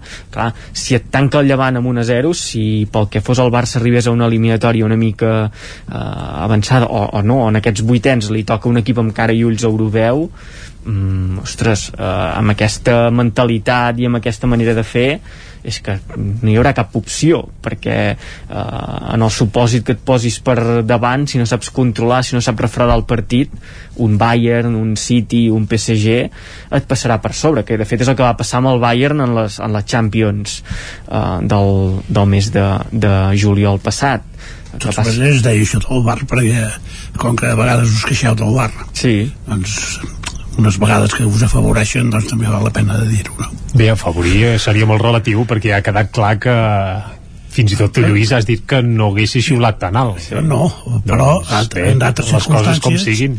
en altres circumstàncies, unes mans així mhm. s'han marcat com sí. a penal. Aquest, bé, aquest és el, I faltes a 3 metres de l'àrea també s'havien marcat com a, com a penal en no, altres no, no, circumstàncies. Però, va, vaja. Ostres, estem parlant de quin any estem parlant. Oh, no em fa gaires, no em fa Del gaires. 1980? Oi, jo ja hi era, eh? Però, però bueno, jo, jo no, jo no. Va, jo, va, jo no. I en Lluís també. En podríem treure uns quants sí, exemples, no. però vaja, no recolem tant. No que en el bar jo crec que torna a entrar aquella variable de qui al bar, qui al terreny de joc, eh, una sí. mica la sensibilitat a l'hora d'avisar, de no avisar segurament si el del bar hagués dit, eh, mira-te-la només perquè se la mirés, l'àrbitre ja condicionat l'hagués acabat xiulant, és molt, sí. molt possible uh...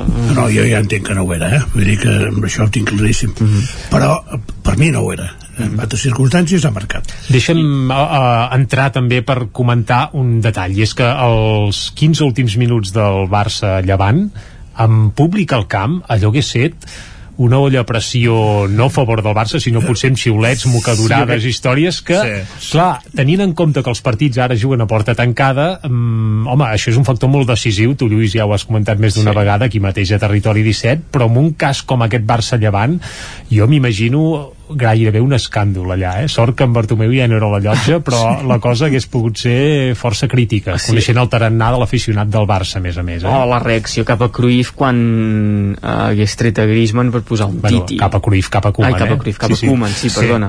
Cruyff al Chelsea. Va, va acabar el passat. No. és Cap que Koeman és entrenador del Barça perquè no hi, perquè no hi ha president ara mateix, eh?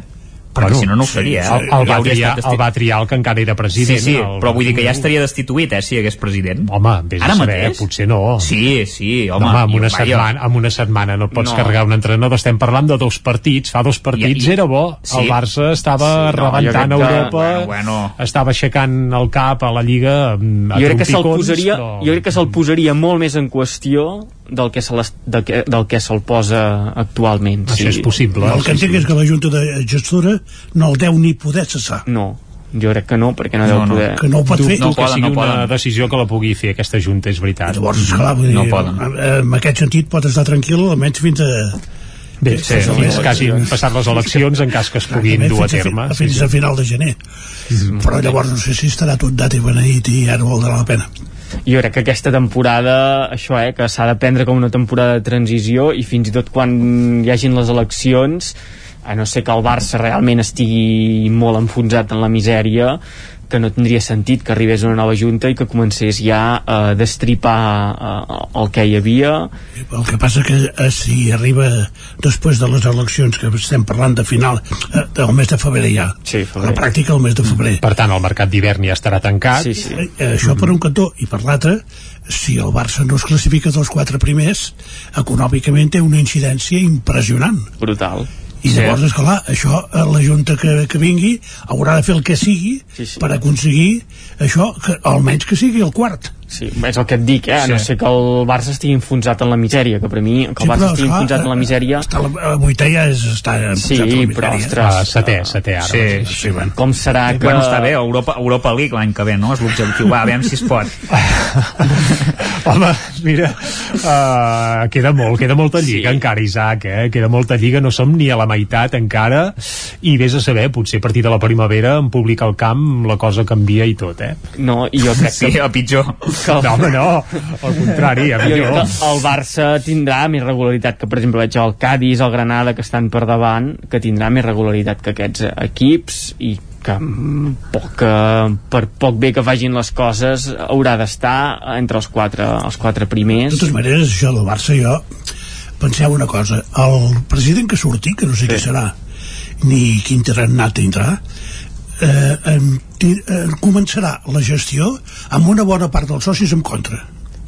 Bueno, Perquè aquí ha passat sempre. Amb la Guardiola buida, a més a més. Exacte, mm -hmm. però vull dir que eh, els partidaris de Bartomeu Bueno, els i, i ismes, els contraris no? de Bartomeu hi han estat sempre. Sí, sí. I, i si surten la porta, exactament el cas. I si surten Víctor Font aquest, exactament el cas. Això, Vull dir que, Això esclar, és un clàssic de Can Barça. Pues Això tampoc ha de sorprendre ningú. si no hi ha unanimitat amb el president, llavors eh, No. els mocadors surten de seguida. i jo crec que els últims temps també han demostrat que el millor bàlsam per a aquestes guerres internes és la pilota, que entri la pilota Evidentment, és que hi ha por que no Per això Bartomeu va guanyar unes eleccions, Eh, perquè exacte. clar, el Barça havia Sí. fet un doblet, si El- no, el difícilment 2015. potser s'hi hagués imposat, eh? i vull dir que jo crec que la clau és que qui entri tot i que tingui aquesta oposició ja diguem eh, d'entrada comenci a vestir un projecte amb cara i ulls i no a fer el que portem els últims pràcticament 5 anys d'anar vivint de renda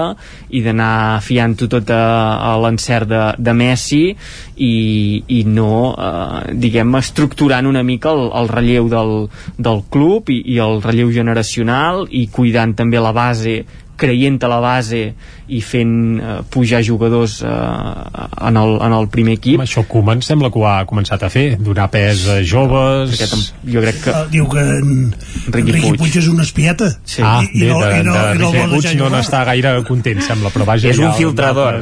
exemples. Sí. És un filtrador. I no de passes, eh, precisament. No. Es refereix a filtrador de filtrar notícies. Bueno, sí. de filtrar que li va dir que es busqués equip. Sí. I, i, que, I que em sembla que Riqui Puig, per lo que es veu, no, no té gaire bona relació amb els perros pesants del vestidor i per això no juga tant per això, perquè es, es buscava que un motiu que potser no era futbolístic de per què no jugava amb els entrenadors i sembla ser que seria això que va una mica crescut el noi no, no ho sé Sí. fins a quin punt és veritat o no però déu nhi eh? Ja si el fitxareu del Madrid. Oi, ja els aniria ja, bé, ja. ja se'l poden quedar ja se'l poden quedar. No, Seria ja un tenim un mig del camp amb molt bons jugadors. Clar, Riqui Puig, jo crec que amb un jugador, els jugadors joves que prometen tant eh, és molt perillós. I per exemple en el cas del Sí. Barça que tot es magnifica eh, un pilot, n'hem vist molts casos. Eh, recordem d'Olofeu no, Bojan. també que d'Olofeu eh, semblava que havia de ser qui sap què i a l'hora de la veritat no, no va I tants funcionar altres, en Bojan, per exemple. Bojan, que En Boyan és un cas a part, Sí. eh? perquè hi va haver aquí ara s'ha bueno, anat coneixent, però hi va haver una malaltia associada al darrere que va fer Que que, no- segurament no acabés d'esclatar com, Exacte. com hauria merescut. De Potser. totes maneres, ja a mi m'agradaria dir que el, part del personal del camp de les Caunes, per- personal de neteja, Mm. els van acomiadar ahir perquè mm, de- l'RTT els hi va treure estranyeners de l'escai Oh, no, no. Eh, no, volíem parlar de l'Espanyol també, eh, Lluís, va, però... fer, va fer un gol d'aquests que, que, com aquell jugador que jugava amb el Barça fa una temporada i mig eh, aquest en Messi Del Messi. Mare meva. el que ja no marca Ja quasi no bé marca- mai no? ja no marca de gol. Ma marca després de xutar 10 vegades exacte la, la falta ja fa anys que no, no fa un gol no, no, no i llavors vull dir que esclar, quan veus aquesta, aquestes coses doncs l'Espanyol esteu gaudint no, d'un jugador eh, d'un equip de primera divisió sense cap mena de dubte. No, no. RDT no, són molts. Mo- bé, no, no, però jo em centrava en el cas de Raúl de Tomàs. Que no sé si al mercat d'hivern potser ve algú i us el pesca, eh? perquè clar, això seria una altra història, ja el seu nom va sonar i molt a principis de temporada per reforçar algun equip de primera divisió. El No sé pas si acabareu la Lliga amb el ell, eh? compromís del president Amo eh, és que no o sigui que no, no, no donarà la baixa a ningú. Que es consideri important. Sí, deixa'm dir que l'Arnau Jaumira em deia que el compromís també del president Amo era estar a, a primera divisió i a Europa al cap de 3 anys no, i... a Europa hi vam ser al cap de tots. Sí, sí, però goita con seu ara, però vaja... ja, ja, però bé, això No, no, em fa l'efecte que ens ho anat bé això.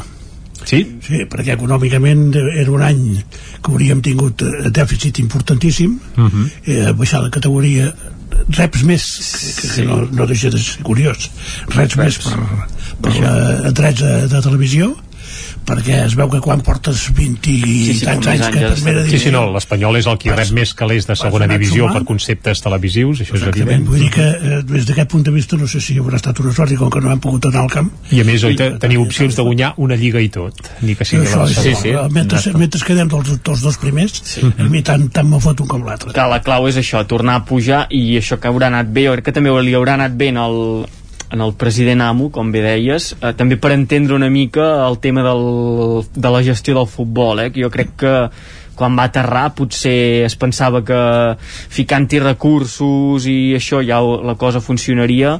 I jo crec que també ha anat veient que, que no, és un, no és matemàtiques el futbol. I que s'ha de fer en el seu moment.